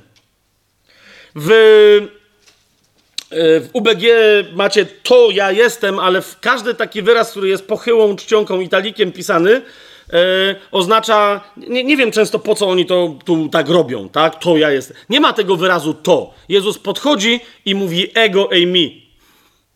Ja jestem. Nie bójcie się. Ok? Ale mówi ego ei mi. Po pierwsze chodzi po wodzie, ale zwracam wam uwagę, i wszyscy mówią, to jest cud, tak? Pomijam już, że niektórzy mówią, że w Ewangelii Jana jest cud uciszenia burzy. Zauważcie, że Jezus niczego nie ucisza. Cudem jest, że chodzi po wodzie. Niektórzy powiadają. Według mnie cud w ogóle jest jeszcze istotniejszy za chwilę, tak? Bo zauważcie, co się dzieje. To, że Jezus chodzi po wodzie, okej, okay, ale patrzcie, co się dzieje. Ja jestem, nie bójcie się. Wzięli go więc chętnie do łodzi, uwaga, i natychmiast łódź przypłynęła do ziemi, do której płynęli. A przed chwilą, po całej walce całonocnej, upłynęli zaledwie do połowy tego, tego jeziora. Rozumiecie o co chodzi? Po czym Jezus mówi: Ja jestem. Bach. I są w porcie. No, what? Nawet nie, wiecie, według tego opisu oni nawet nie zauważyli, czy się burza uciszyła, czy coś, bo już byli w porcie. Natychmiast przypłynęli do ziemi, do której płynęli. No, kto tak może robić? Ja jestem, tak może robić. Ok? E, kolejny raz. To jest w ogóle ósmy rozdział. To jest rozdział, w którym Jezus trzykrotnie mówi: Ja jestem, ja jestem, i jeszcze raz mówi: Ja jestem, bez żadnych innych kontekstów. Ok? Zobaczcie, najpierw w 24 wersecie. Dlatego wam powiedziałem, że umrzecie w swoich grzechach. Tam jest kontekst wcześniejszy, ale o nim wczoraj mówiliśmy, to nie będę tego rozwijał. Dlatego wam powiedziałem, że umrzecie w swoich grzechach. Bo jeżeli nie uwierzycie, uwaga, że ja jestem, umrzecie w swoich grzechach. Kropka. Nie, że ja jestem kimś, jeżeli nie uwierzycie, że ja jestem Panem, Mesjaszem, kim, nie. Jeżeli nie uwierzycie, że ja jestem, ego eimi, umrzecie w swoich grzechach. Hmm? Wtedy go zapytali, kim ty jesteś? Odpowiedział im Jezus, tym, kim wam od początku mówię, że jestem. To, to, to jest najlepsze nawiązanie do imienia ja jestem. Kim? Jestem. A, jestem, jestem. Kim jest ten, który cię przysłał? On jest, jestem. Tak powiedział, ja jestem, ja jestem. Okej. Okay. Takiego mamy Boga, no co na to poradzę? Tak się nazywa. Przynajmniej dla nas, tak się przedstawił. Okay? To jest 24. Zobaczcie, 28 werset, to jest ten, który już tu mieliśmy. To jest drugi raz w ósmym rozdziale, kiedy Jezus to samo mówi. Dlatego Jezus powiedział do nich, kiedy wywyższycie Syna Człowieczego, wtedy poznacie, że ja jestem. Kolejny raz. Co? To ja jestem. ok? I 58 werset w tym samym rozdziale. Jezus im odpowiedział, amen. A, bo oni go pytają, mówią, 50 lat jeszcze nie ma, że Abrahama widziałeś? Rozumiecie, bo, bo on tam mówi taką zadziwiającą rzecz w 56 wersecie. Zobaczcie. Abraham, wasz ojciec, z radością pragnął ujrzeć mój dzień. Kropka, uwaga, i ujrzał i radował się. Teraz, kiedy Abraham ujrzał, nie będziemy teraz tego rozważać, ale Abraham, podobnie jak Izajasz, ujrzał dzień Jezusa. I oni mówią, ty jak twój dzień Abraham ujrzał, ty 50 lat nie masz, mówią, a ty Abrahama widziałeś? A on przecież nie mówi o tym, że on mówi, że o tym, że Abraham mnie dojrzał, nie odwrotnie, tak? I teraz posłuchajcie, jak, jak brzmi to wyznanie. Hmm? Jezus im odpowiedział: Amen, amen. Podwójna, uroczysta formuła, tak? Amen, amen, powiadam wam, zanim Abraham był, ja jestem. I teraz zrozumiecie, jeżeli ktoś do tej pory w Ewangelii Jana jeszcze nie załapał, co Jezus robi, to rozumiecie, jeżeli Jezus chciał powiedzieć, że egzystował jako jakieś stworzenie, jako anioł, jako człowiek w jakimś, nie wiem, poprzednim wcieleniu, gdyby miał koncepcję reinkarnacji, jako cokolwiek, to właściwe sformułowanie gramatycznie brzmiałoby: Zanim Abraham był, ja już byłem. Rozumiecie o co mi chodzi? Tak powinno brzmieć to zdanie. Wszyscy egzegeci w tej kwestii tu najbardziej mówią, to jest jasne, tak? Jezus powiedział, że nieważne kiedy kto był, kiedy kto się zaczął. Ja się nigdy nie zacząłem. Ja zawsze jestem. Zanim Abraham był, ja jestem. Kto tak może powiedzieć? Ja jestem. Kto tak może powiedzieć? Tylko ja jestem. Ok? I teraz otwórzcie. I teraz, jakby wiecie, wydaje się, że Jezus więcej do tego nie wraca w najgorszej godzinie. Właśnie, 18 rozdział. Hmm? 18 rozdział. Y, Jezus tam dwukrotnie, ale ewangelista sprawia, że trzykrotnie słyszymy, słyszymy ego eimi, ja jestem, imię Boże przywiązane do Jezusa. Zobaczcie, 18 rozdział, taka scena. I jednocześnie nie tylko to imię Boże, ale też moc tego imienia. Ok? Przychodzi kohorta, ostatnio to sobie sprawdzałem, z tego wynika, że tam, rozumiecie, naprawdę z różnych danych historycznych wynika, że tam do tego ogrodu oliwnego przyszło ponad 500 żołnierzy. Oni chyba, rozumiecie, taki, taką bandę wysłali. Więc nie wiem, czy macie pojęcie, ile to jest 500 osób. No ostatnio na spotkaniu, nie wiem, kościołów domowych mieliśmy tam, czy przedostatnio, 250 osób. To jest jeszcze drugie tyle, tak? Przyszli tylko po to, żeby Jezusa aresztować. I teraz patrzcie na to, 18 rozdział, 5 werset i dalej. Bo Jezus ich pyta, kogo szukacie, tak? Odpowiedzieli mu, Jezusa z Nazaretu. Szukamy Jezusa z Nazaretu. I teraz popatrzcie, Jezus powiedział do nich, ja jestem. A stał z nimi Judasz, który go zdradził. Gdy tylko im powiedział, drugi raz, ja jestem, nie powiedział drugi raz, ale to jest komentarz, tak? Gdy tylko im powiedział, ja jestem, cofnęli się i padli na ziemię. Pięciuset chłopa plus Judasz. Rozumiesz? Jezus mówi, ego eimi. Jest teraz pytanie, on to po grecku powiedział, czy może powiedział jak należy?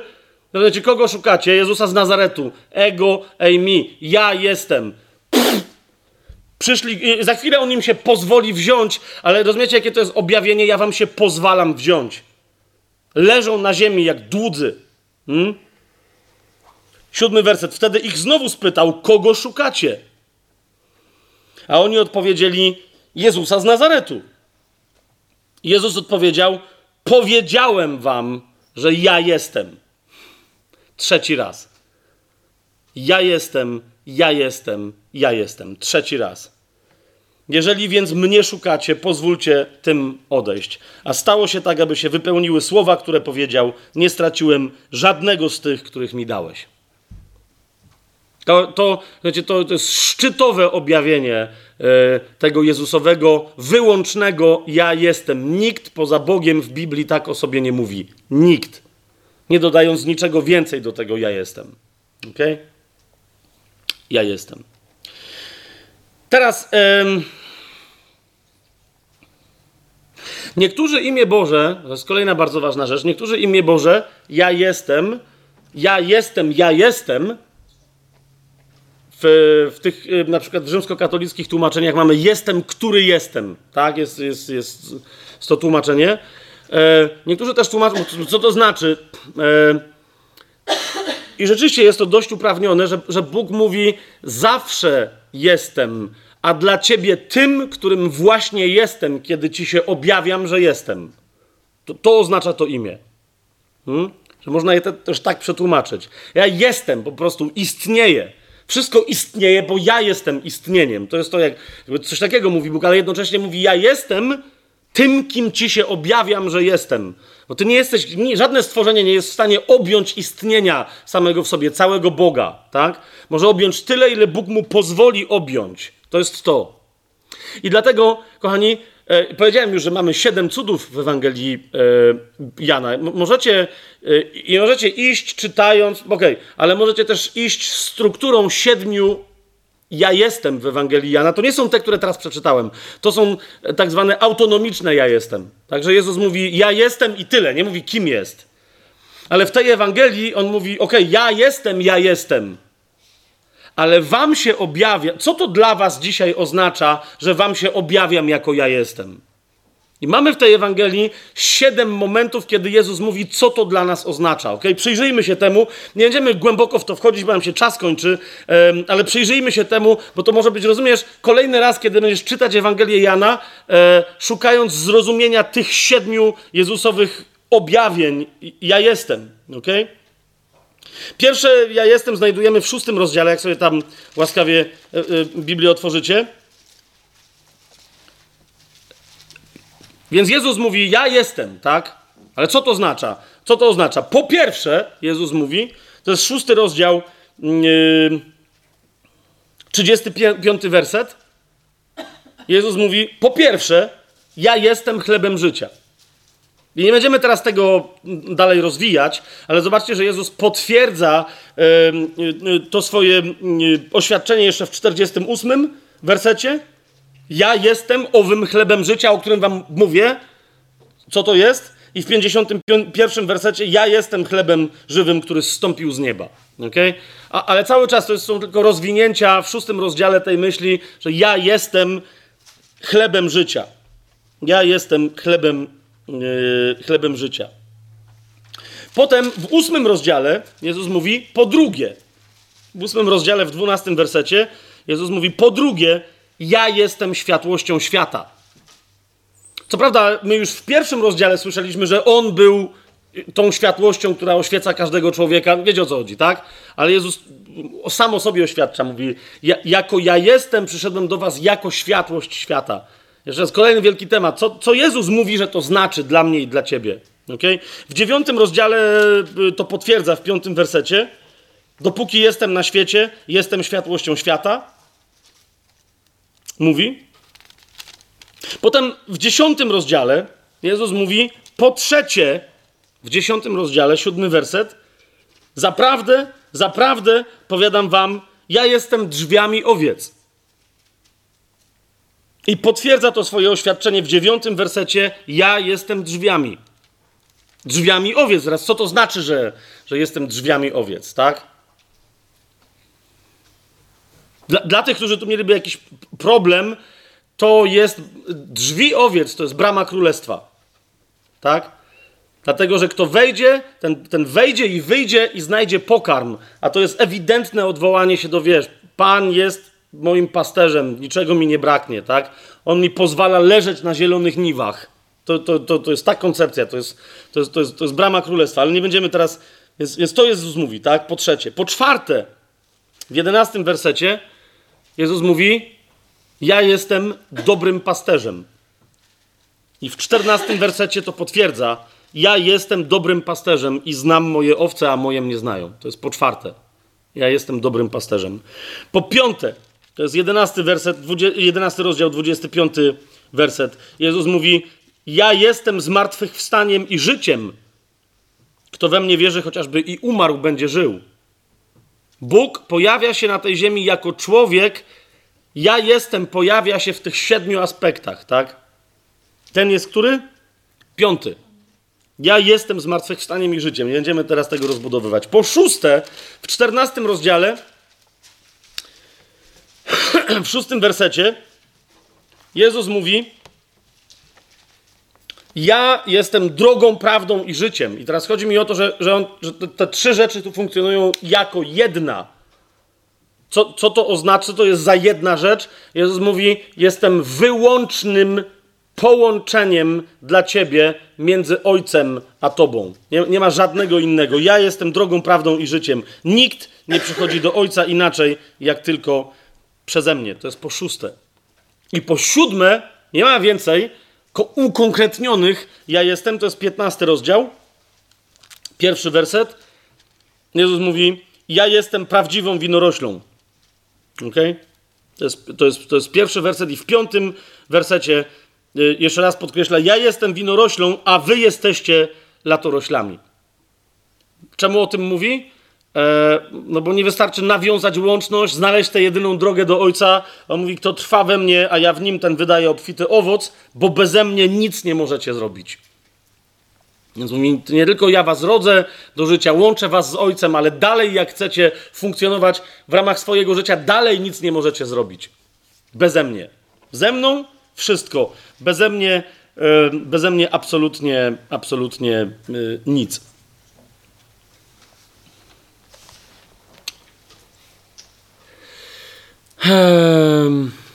Siedem ja jestem. Jezus jako ja jestem. nie mamy dzisiaj czasu, ale, ale to, to jest osobna poł jaka lektura. W momencie, kiedy sprawdzisz te, te oświadczenia Jezusa, nie tylko przypowieści, w ramach których mówi, e, dojaśnia o co mu chodzi, tak? mówiąc, że jest winoroślą i tak dalej, i tak dalej, ale też te koncepcje, do których on się odwołuje, które się znajdują w innych miejscach pisma. Tak? Fascynująca przygoda, żeby przez to przejść.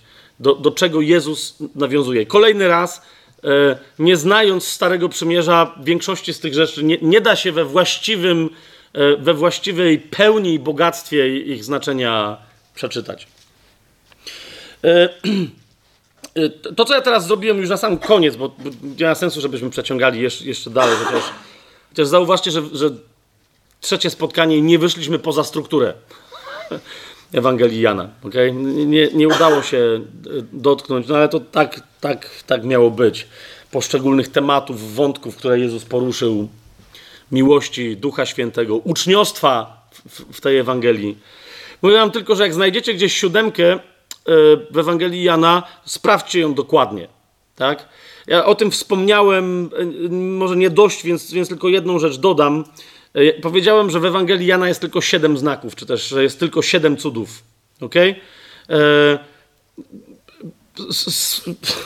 otwórzcie Ewangelię Jana.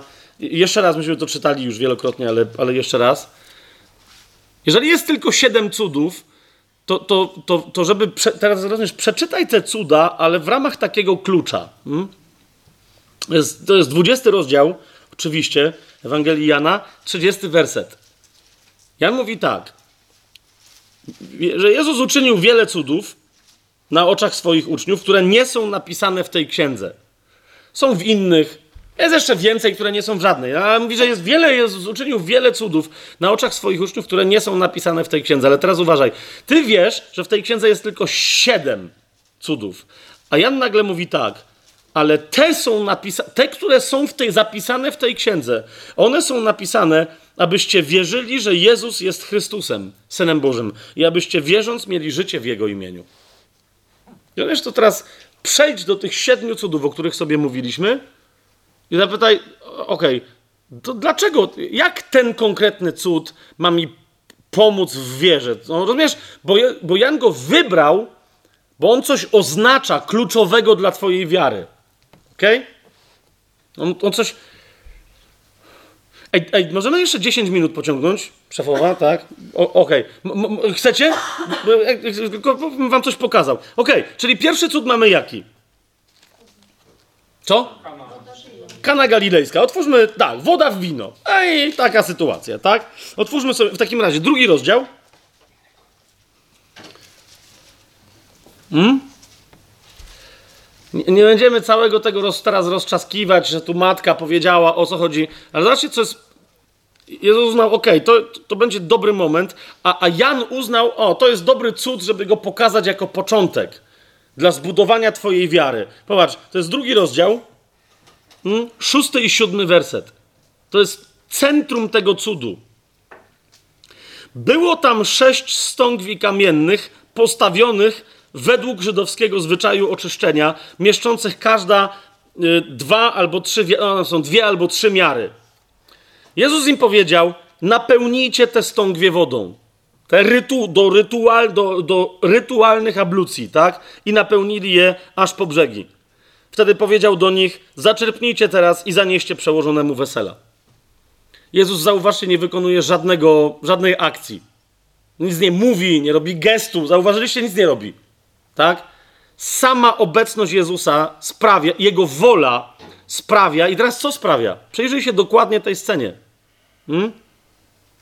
Coś, co do tej pory było martwym kamieniem wynikającym z zapisu na martwym kamieniu. Coś, co do tej pory było martwą religią, która nie mogła dać życia, ponieważ prawo jedynie wskazuje na grzech, a za grzech należy się śmierć. Tak? Coś, co do tej pory dawało ci tylko namiastkę uwolnienia, bo te, te, te ablucje rytualne z niczego ludzi nie oczyszczały. Okej? Okay? A tylko przypominały o ich grzechu i o, o, ludzkiej, o ludzkiej bezsilności wobec grzechu, sama obecność Jezusa sprawia, że ta stara religia zamienia się w co? W realne doświadczenie zabawy, radości. To jest wesele, tak? Ci ludzie już są tak długo na tym weselu, że wykończyli wino. Kapujecie, co się tam dzieje? tak? A Jezus mówi, to teraz macie jeszcze lepsze. No, jaki tam potem szok przeżywa starosta, mówi, co w ogóle się dzieje, tak? I rozumiecie jeszcze, jak dobre wino musiał zrobić Jezus, bo ten starosta, wiecie, zanim poczęstował ludzi, musiał wypić, także on tam, no, jesteśmy w Polsce, to wiecie o co biega, tak? To, I rozumiecie, więc on, nie, nie wiem, czy ma bardzo w czubie, tak? ale chodzi mi o to, że no, język ma lekko już może odrętwiały na wyczuwanie smaków, a jednak to wino jest tak dobre, że on mówi, ej, najlepsze zostawiłeś na koniec, super! Jezus, rozumiesz? Bo, bo, niektórzy mówią, no co to był za cud? No właśnie to jest to, tak? Przychodzi Jezus i jak później na końcu słyszymy, to wam powiedziałem, to wam zrobiłem, żeby moja radość w was była i żeby wasza radość była pełna. Jezus mówi, to jest dobry moment. A Jan mówi, to jest, jeżeli chcesz budować swoją wiarę, to rozważ tę scenę. Rozważ tę scenę, ok? Rozważ tę scenę, czy ty w tym momencie doświadczasz nowego przymierza, bycia chrześcijanką czy chrześcijaninem jako czegoś takiego. Hmm? Jako, jako czegoś, co cię autentycznie rozwesela, jak młode wino. Hmm? Czy może jako stary bukłak wlali nowe wino, pękłeś i no i po robocie. I, I teraz ani wina nie ma, ani bukłaka, tylko jest pęknięty worek. Jak jest? To jest tylko, to jest jeden taki przykład. Zobaczcie teraz jeszcze, jeszcze inny. Y, szósty rozdział. Hmm? Nie, nie szósty, tylko, dobra, dziewiąty. W szóstym już mówiliśmy, tak? Jak, jeżeli do tej pory nie zwróciliście uwagi, to, to, to zwróćcie. Jezus u Jana nie ucisza burzy, tylko, tylko spowoduje, że. Bo zauważ, co to znaczy. Wobec przeciwnego wiatru doświadczeni rybacy nie byli w stanie upłynąć nawet połowy, 20-30 stadiów, nawet połowy tej drogi, którą mieli przepłynąć. Zaproszenie Jezusa do łodzi, ok? Chętne zaproszenie Jezusa do łodzi swojego życia sprawia, że jesteś tam, gdzie do tej pory ci się wydawało, że jest niemożliwe dotrzeć o własnych siłach. Tak, o. To oznacza wierzyć w Jezusa. Czy masz takie doświadczenie? Każdy z tych cudów, rozumiesz, yy, jest, rzucenie, jest rzuconym wyzwaniem. Czy ty masz taką wiarę, żeby tego doświadczać? Ale dziewiąty rozdział, to, bo, bo, bo już mnie ktoś o to pytał jeszcze raz i jeszcze raz i jeszcze raz i jeszcze raz, bo, bo, bo ja już parokrotnie mówiłem o tym, że Jezus Dziewiąty rozdział. hmm? Je Jezus podchodzi do, do niewidomego w tym rozdziale. Zoba on zobaczył człowieka ślepego od urodzenia. To jest bardzo istotne, że to jest człowiek ślepy od urodzenia. To znaczy, on się urodził z niewidzącymi oczami. Nie doszło do jakiegoś wypadku, nie miał zaćmy na, na oczach. Nie, po prostu się urodził z niewidzącymi oczami. I teraz niektórzy pytają, no i o co chodzi temu Jezusowi? Czemu on spluł? Zobaczcie, to powiedziawszy, on mówi: Dopóki jestem na świecie, jestem światłością świata, która oświeca niewidzących. I teraz Jezus, to powiedziawszy, splunął na ziemię, zrobił błoto ze śliny i pomazał tym błotem oczy ślepego. I niektórzy mówią, o co tu chodziło z tym? Dlaczego Jezus to, to błoto robi? Czemu on tam się w tym grzebie? Po tym wszystkim, co już dzisiaj powiedzieliśmy o Jezusie, który się tu przedstawia jako ja jestem, kiedy pierwszy raz ja jestem się grzebał w glinie? Jak stwarzał Adama. ok? Ten opis tu. Yy, no, trzeba byłoby sprawdzić, jak wygląda opis tego, jak, jak, jak lepi z gliny yy, Bóg yy, pierwszego człowieka. Tak? Ale chodzi o to, że tutaj ten, je, w sensie tłumaczenie w Septuagincie po grecku, jak to wygląda tu, ale rozumiecie, to jest wyraźnie powiedziane, Jezus dokonywał nie tylko cudów, yy, nie tylko uzdrawiał, ale w tym wypadku dokonał stworzenia. Po prostu, tak? Nie musiał stworzyć całego nowego człowieka, ale w ten sposób on po prostu daje znać tym, którzy rozumieją pismo, ja mu stworzyłem teraz nowe oczy. Po prostu. Niemniej jest jeszcze, in, jest jeszcze inny, rozumiesz, to jest kolejna rzecz. Czy ty doświadczasz takiej stwórczej mocy Bożej w Twoim życiu? Tak, że czegoś nie było i jest. A Pan mówi cały czas, zwłaszcza do nas, mówi: Ja cały czas tworzę rzecz nową. Czy ty jej doświadczasz? Hmm? Ale druga bardzo istotna kwestia, hmm?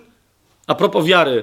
Bo, zauważ, Jezus, tak, z punktu widzenia dynamiki tej sceny, to zauważ, przyszedł Jezus, ten chłop nic od niego nie chciał, tak? Słyszy uczniów, którzy rozmawiają z Jezusem i mówią, no to on zgrzeszył, czy jego rodzice? I mówi, no to fajnie, hej, bo ja tu siedzę. No Jezus mówi, na szczęście ani on, ani jego rodzice, ale on tam dalej mówi, fajnie. Po czym, wiecie, on jest ślepy, nie wie, co się dzieje. I nagle czuje na oczach, I mówi, e, hej! On się, on się o nic nie prosi, tak? Jezus splunął i jeszcze, jeszcze mówi, e, co jest, co jest? A Jezus mówi, idź i się umyj. Fajnie, jestem ślepy. Hello? Ale zobacz, ale zobacz, ale zobacz, co się potem dzieje. Ten człowiek, jak, i, i, i, zanim, zanim wyznaje Jezusa, w, już wcześniej broni Jezusa przed tymi, którzy go atakują. Tak? Teraz jest bardzo interesujące, gdzie go Jezus wysyła?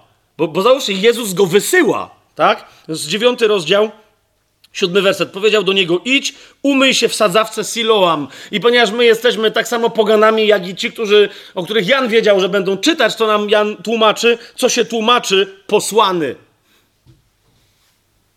Widzisz, my często jako chrześcijanie e, po prostu siedzimy na tyłku, wołamy o coś i mówimy, e, dajże. I, nawet, rozumiesz, I jeszcze rzucamy Bogu warunki, tak, że no ale tak daj wierzę, to ja najpierw mi dej, no nie, bo ja... Jeszcze rzucamy w jaki sposób, no nie? Ja chcę stąd, nie chcę tu, stąd, stąd się nie spodziewam, tam, tu. Zrób mi tak albo śmak, rozumiesz? Jeżeli czegoś chcesz od Boga, to tego słuchaj, czego On chce od ciebie. Na jakiej drodze On ci to da. Wiesz o co mi chodzi?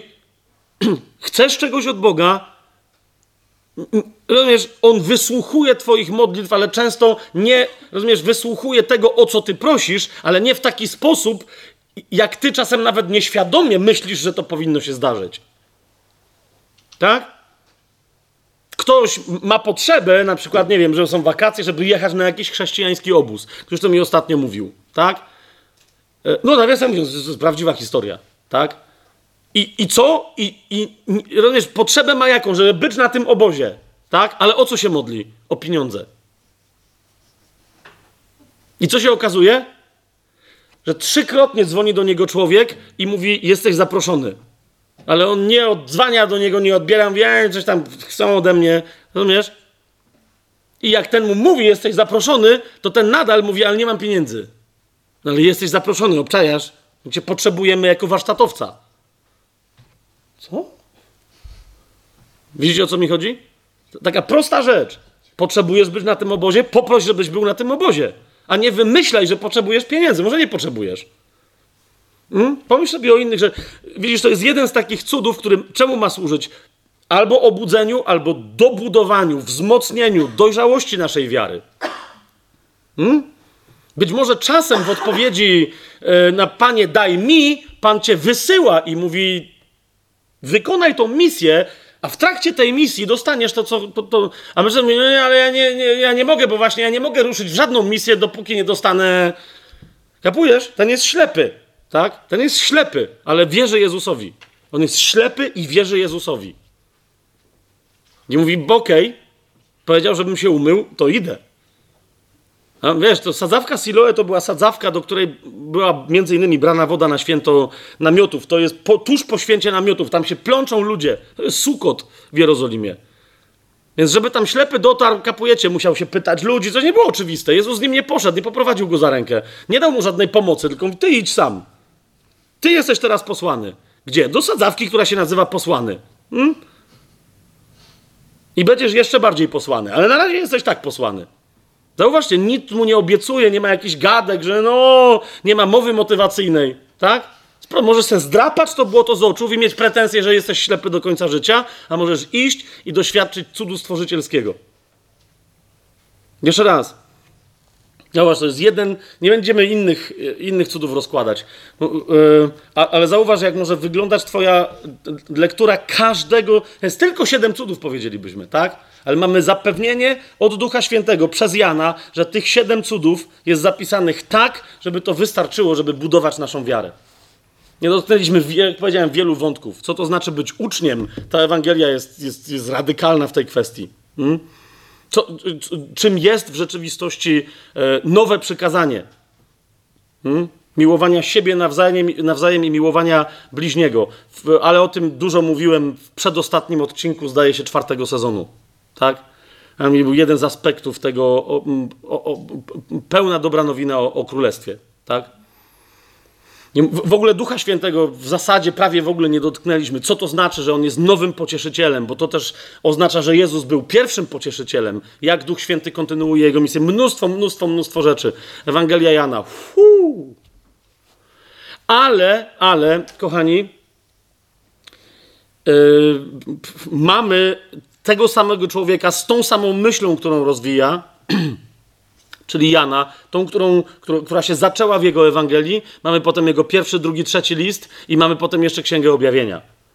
Żeby, żeby wiele z wątków, chociażby tych trzech listów zrozumieć, w ogóle odkryć, że tam są jakieś wątki, będziemy musieli wracać do tej Ewangelii. Tak? Bo niektórzy mówią, drugi, trzeci list Jana, po co to jest w piśmie? O, przyjacielu. O, bardzo potężne, mocne, istotne znaczenie dla Kościoła dzisiaj, te listy. Drugi i trzeci. Więc, e, więc będziemy jeszcze do tej Ewangelii, do tej Ewangelii e, wracać. Podobnie jak wiecie, w ogóle dzisiaj nawet nie dotknęliśmy tematu, w jaki sposób Jezus, tylko troszeczkę być może, tak? Ja, ja o tym powiedziałem, że być może się zmieścimy w tym sezonie, no nie zmieścimy się. W jaki sposób Jezus wypełnia siedem biblijnych świąt przepisanych przez Torę. Hmm? Ale jak, jakbyście byli bardzo zniecierpliwieni, e, to sami sobie sprawdźcie, tak? Tych siedem świąt to jest Pascha. Pascha jest związana, jest na początku e, święta prześników.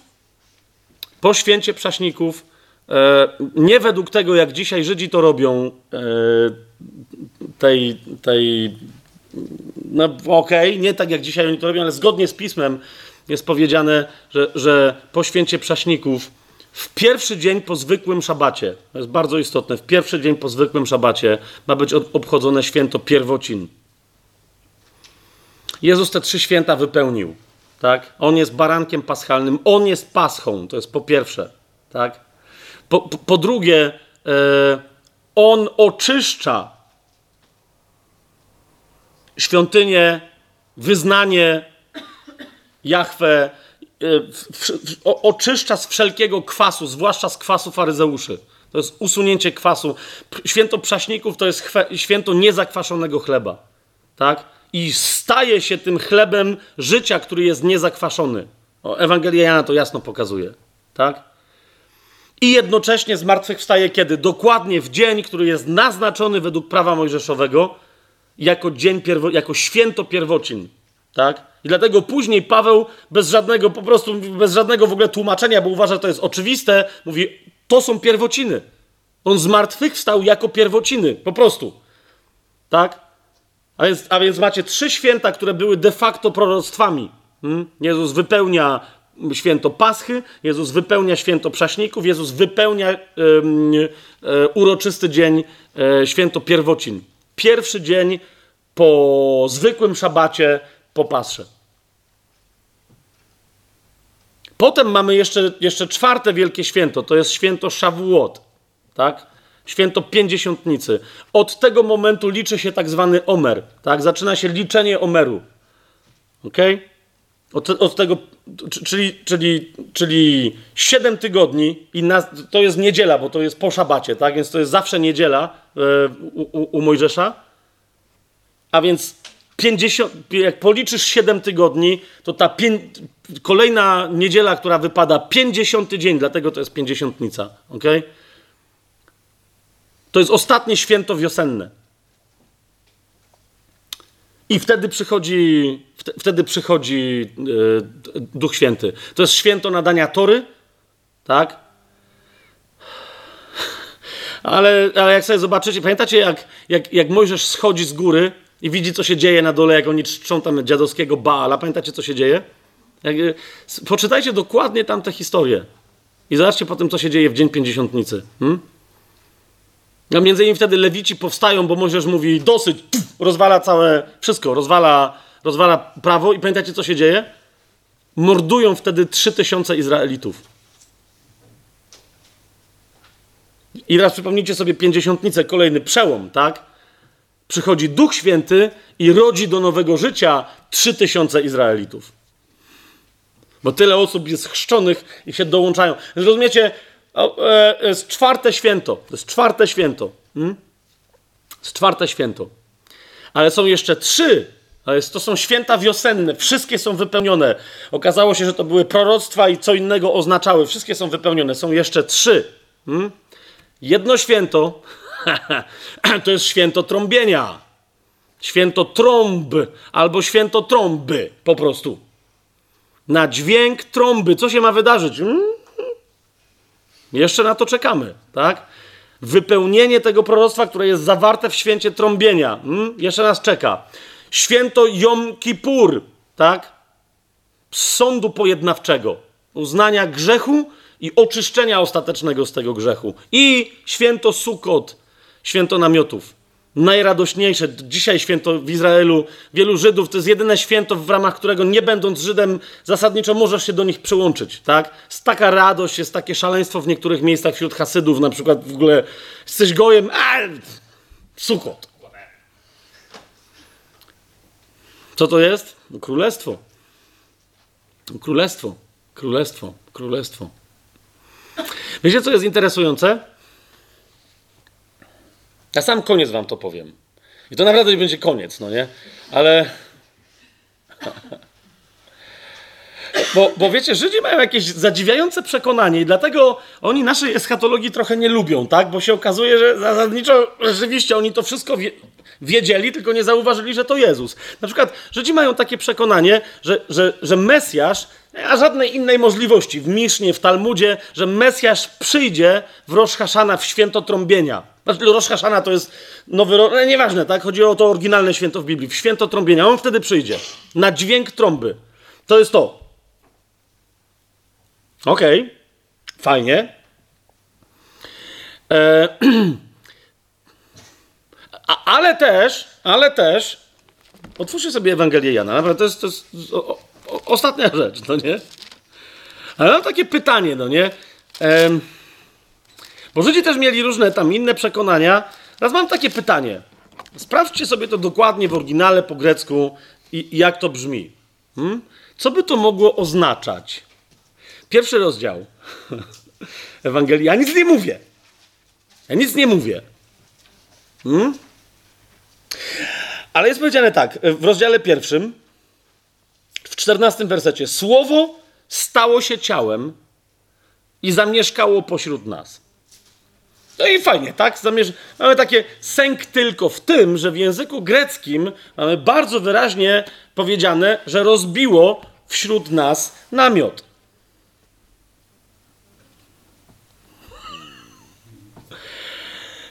Ja nic nie mówię, no nie? Ale czy taki specjalista jak Jan, no nie? który widzi wyraźnie, gdzie jest święto Paschy, gdzie jest święto namiotów, nawet święto niewspomniane oryginalnie w Torze przywołuje święto poświęcenia świątyni od Machabejczyków pochodzące, mniejsza o to, tak? Ale czy jak on mówi, że słowo stało się ciałem, rozbiwszy namiot pośród nas, to czy czasem trochę nam nie sugeruje, że w święto namiotów cię urodził Pan Jezus?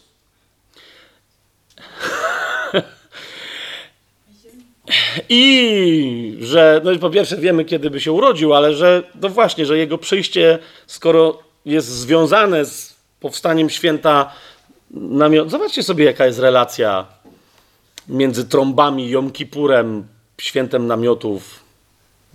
Nic nie mówię, zupełnie nic nie mówię. Ale oczywiście z takich drobnych słówek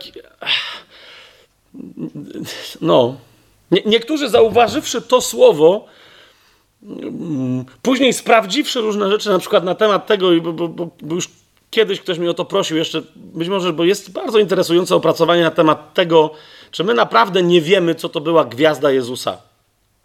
Mm, to zjawisko na niebie, które zobaczyli e, magowie ze wschodu i oni wtedy przeszli, tak? I teraz, jeżeli to jest to, co niektórzy mówią, nie chodzi mi o żadne, wiecie, astronomię, astrologię, tylko właśnie o czystą, wiecie, hardkorową astronomię. Mamy paru nawróconych astronomów, którzy się, którzy się tym zajęli i mówią, ej, tam było wtedy ciekawe zjawisko. I to było w święto namiotów. I to był wrzesień, a nie grudzień. Ale jeszcze raz, yy, jeszcze raz, mi nie chodzi o to, żeby teraz was namawiać do tego, że wiecie, żeby rozważać, czy Pan Jezus się urodził e, w święto namiotów, tylko tylko, bo, nie chodzi mi o wstecz, tylko o to do przodu, tak? Widać wyraźnie e, z samych chociażby tylko Ewangelii, jak Jezus cztery święta wiosenne wypełnił. Przed nami jest jeszcze jesień. Wiecie, już był deszcz wczesny, deszcz wiosenny, tak? Całe pismo huczy, że będzie jeszcze deszcz jesienny. Deszcz jesienny musi, musi się pojawić w jesiennej porze, wtedy, kiedy będzie wypełnionych, kiedy będą wypełniane trzy pozostałe święta, których istnienie, jeżeli tamtych czterech było proroctwem, to i tych jest proroctwem. Ale to jak Bóg da, to od tego, kto może, to, to niech mi przypomni, żebyśmy zaczęli piąty sezon. Bo to będzie dobre wejście w dzieje apostolskie, nie?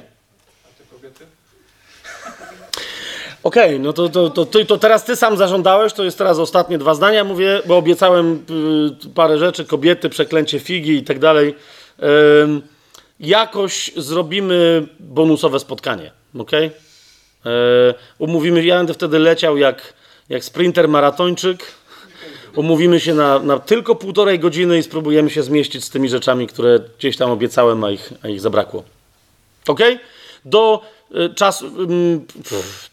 Miałem tego nie robić, ale to, to zrobię. Wszystko wskazuje na to, ze względu na różne plany i tam inne rzeczy, które się później pojawiają. To też mówię, to jest nagranie, więc że prawdopodobnie na żywo yy, szósty sezon. Szósty, to szósty będzie, tak? Okay. Teraz jest piąty. To będzie właśnie, to będzie szósty już sezon. Dzieje apostolskie i dalej. Y, y, na żywo zaczniemy prawdopodobnie w połowie września, żeby gdzieś tam do, do wiecie, do połowy grudnia.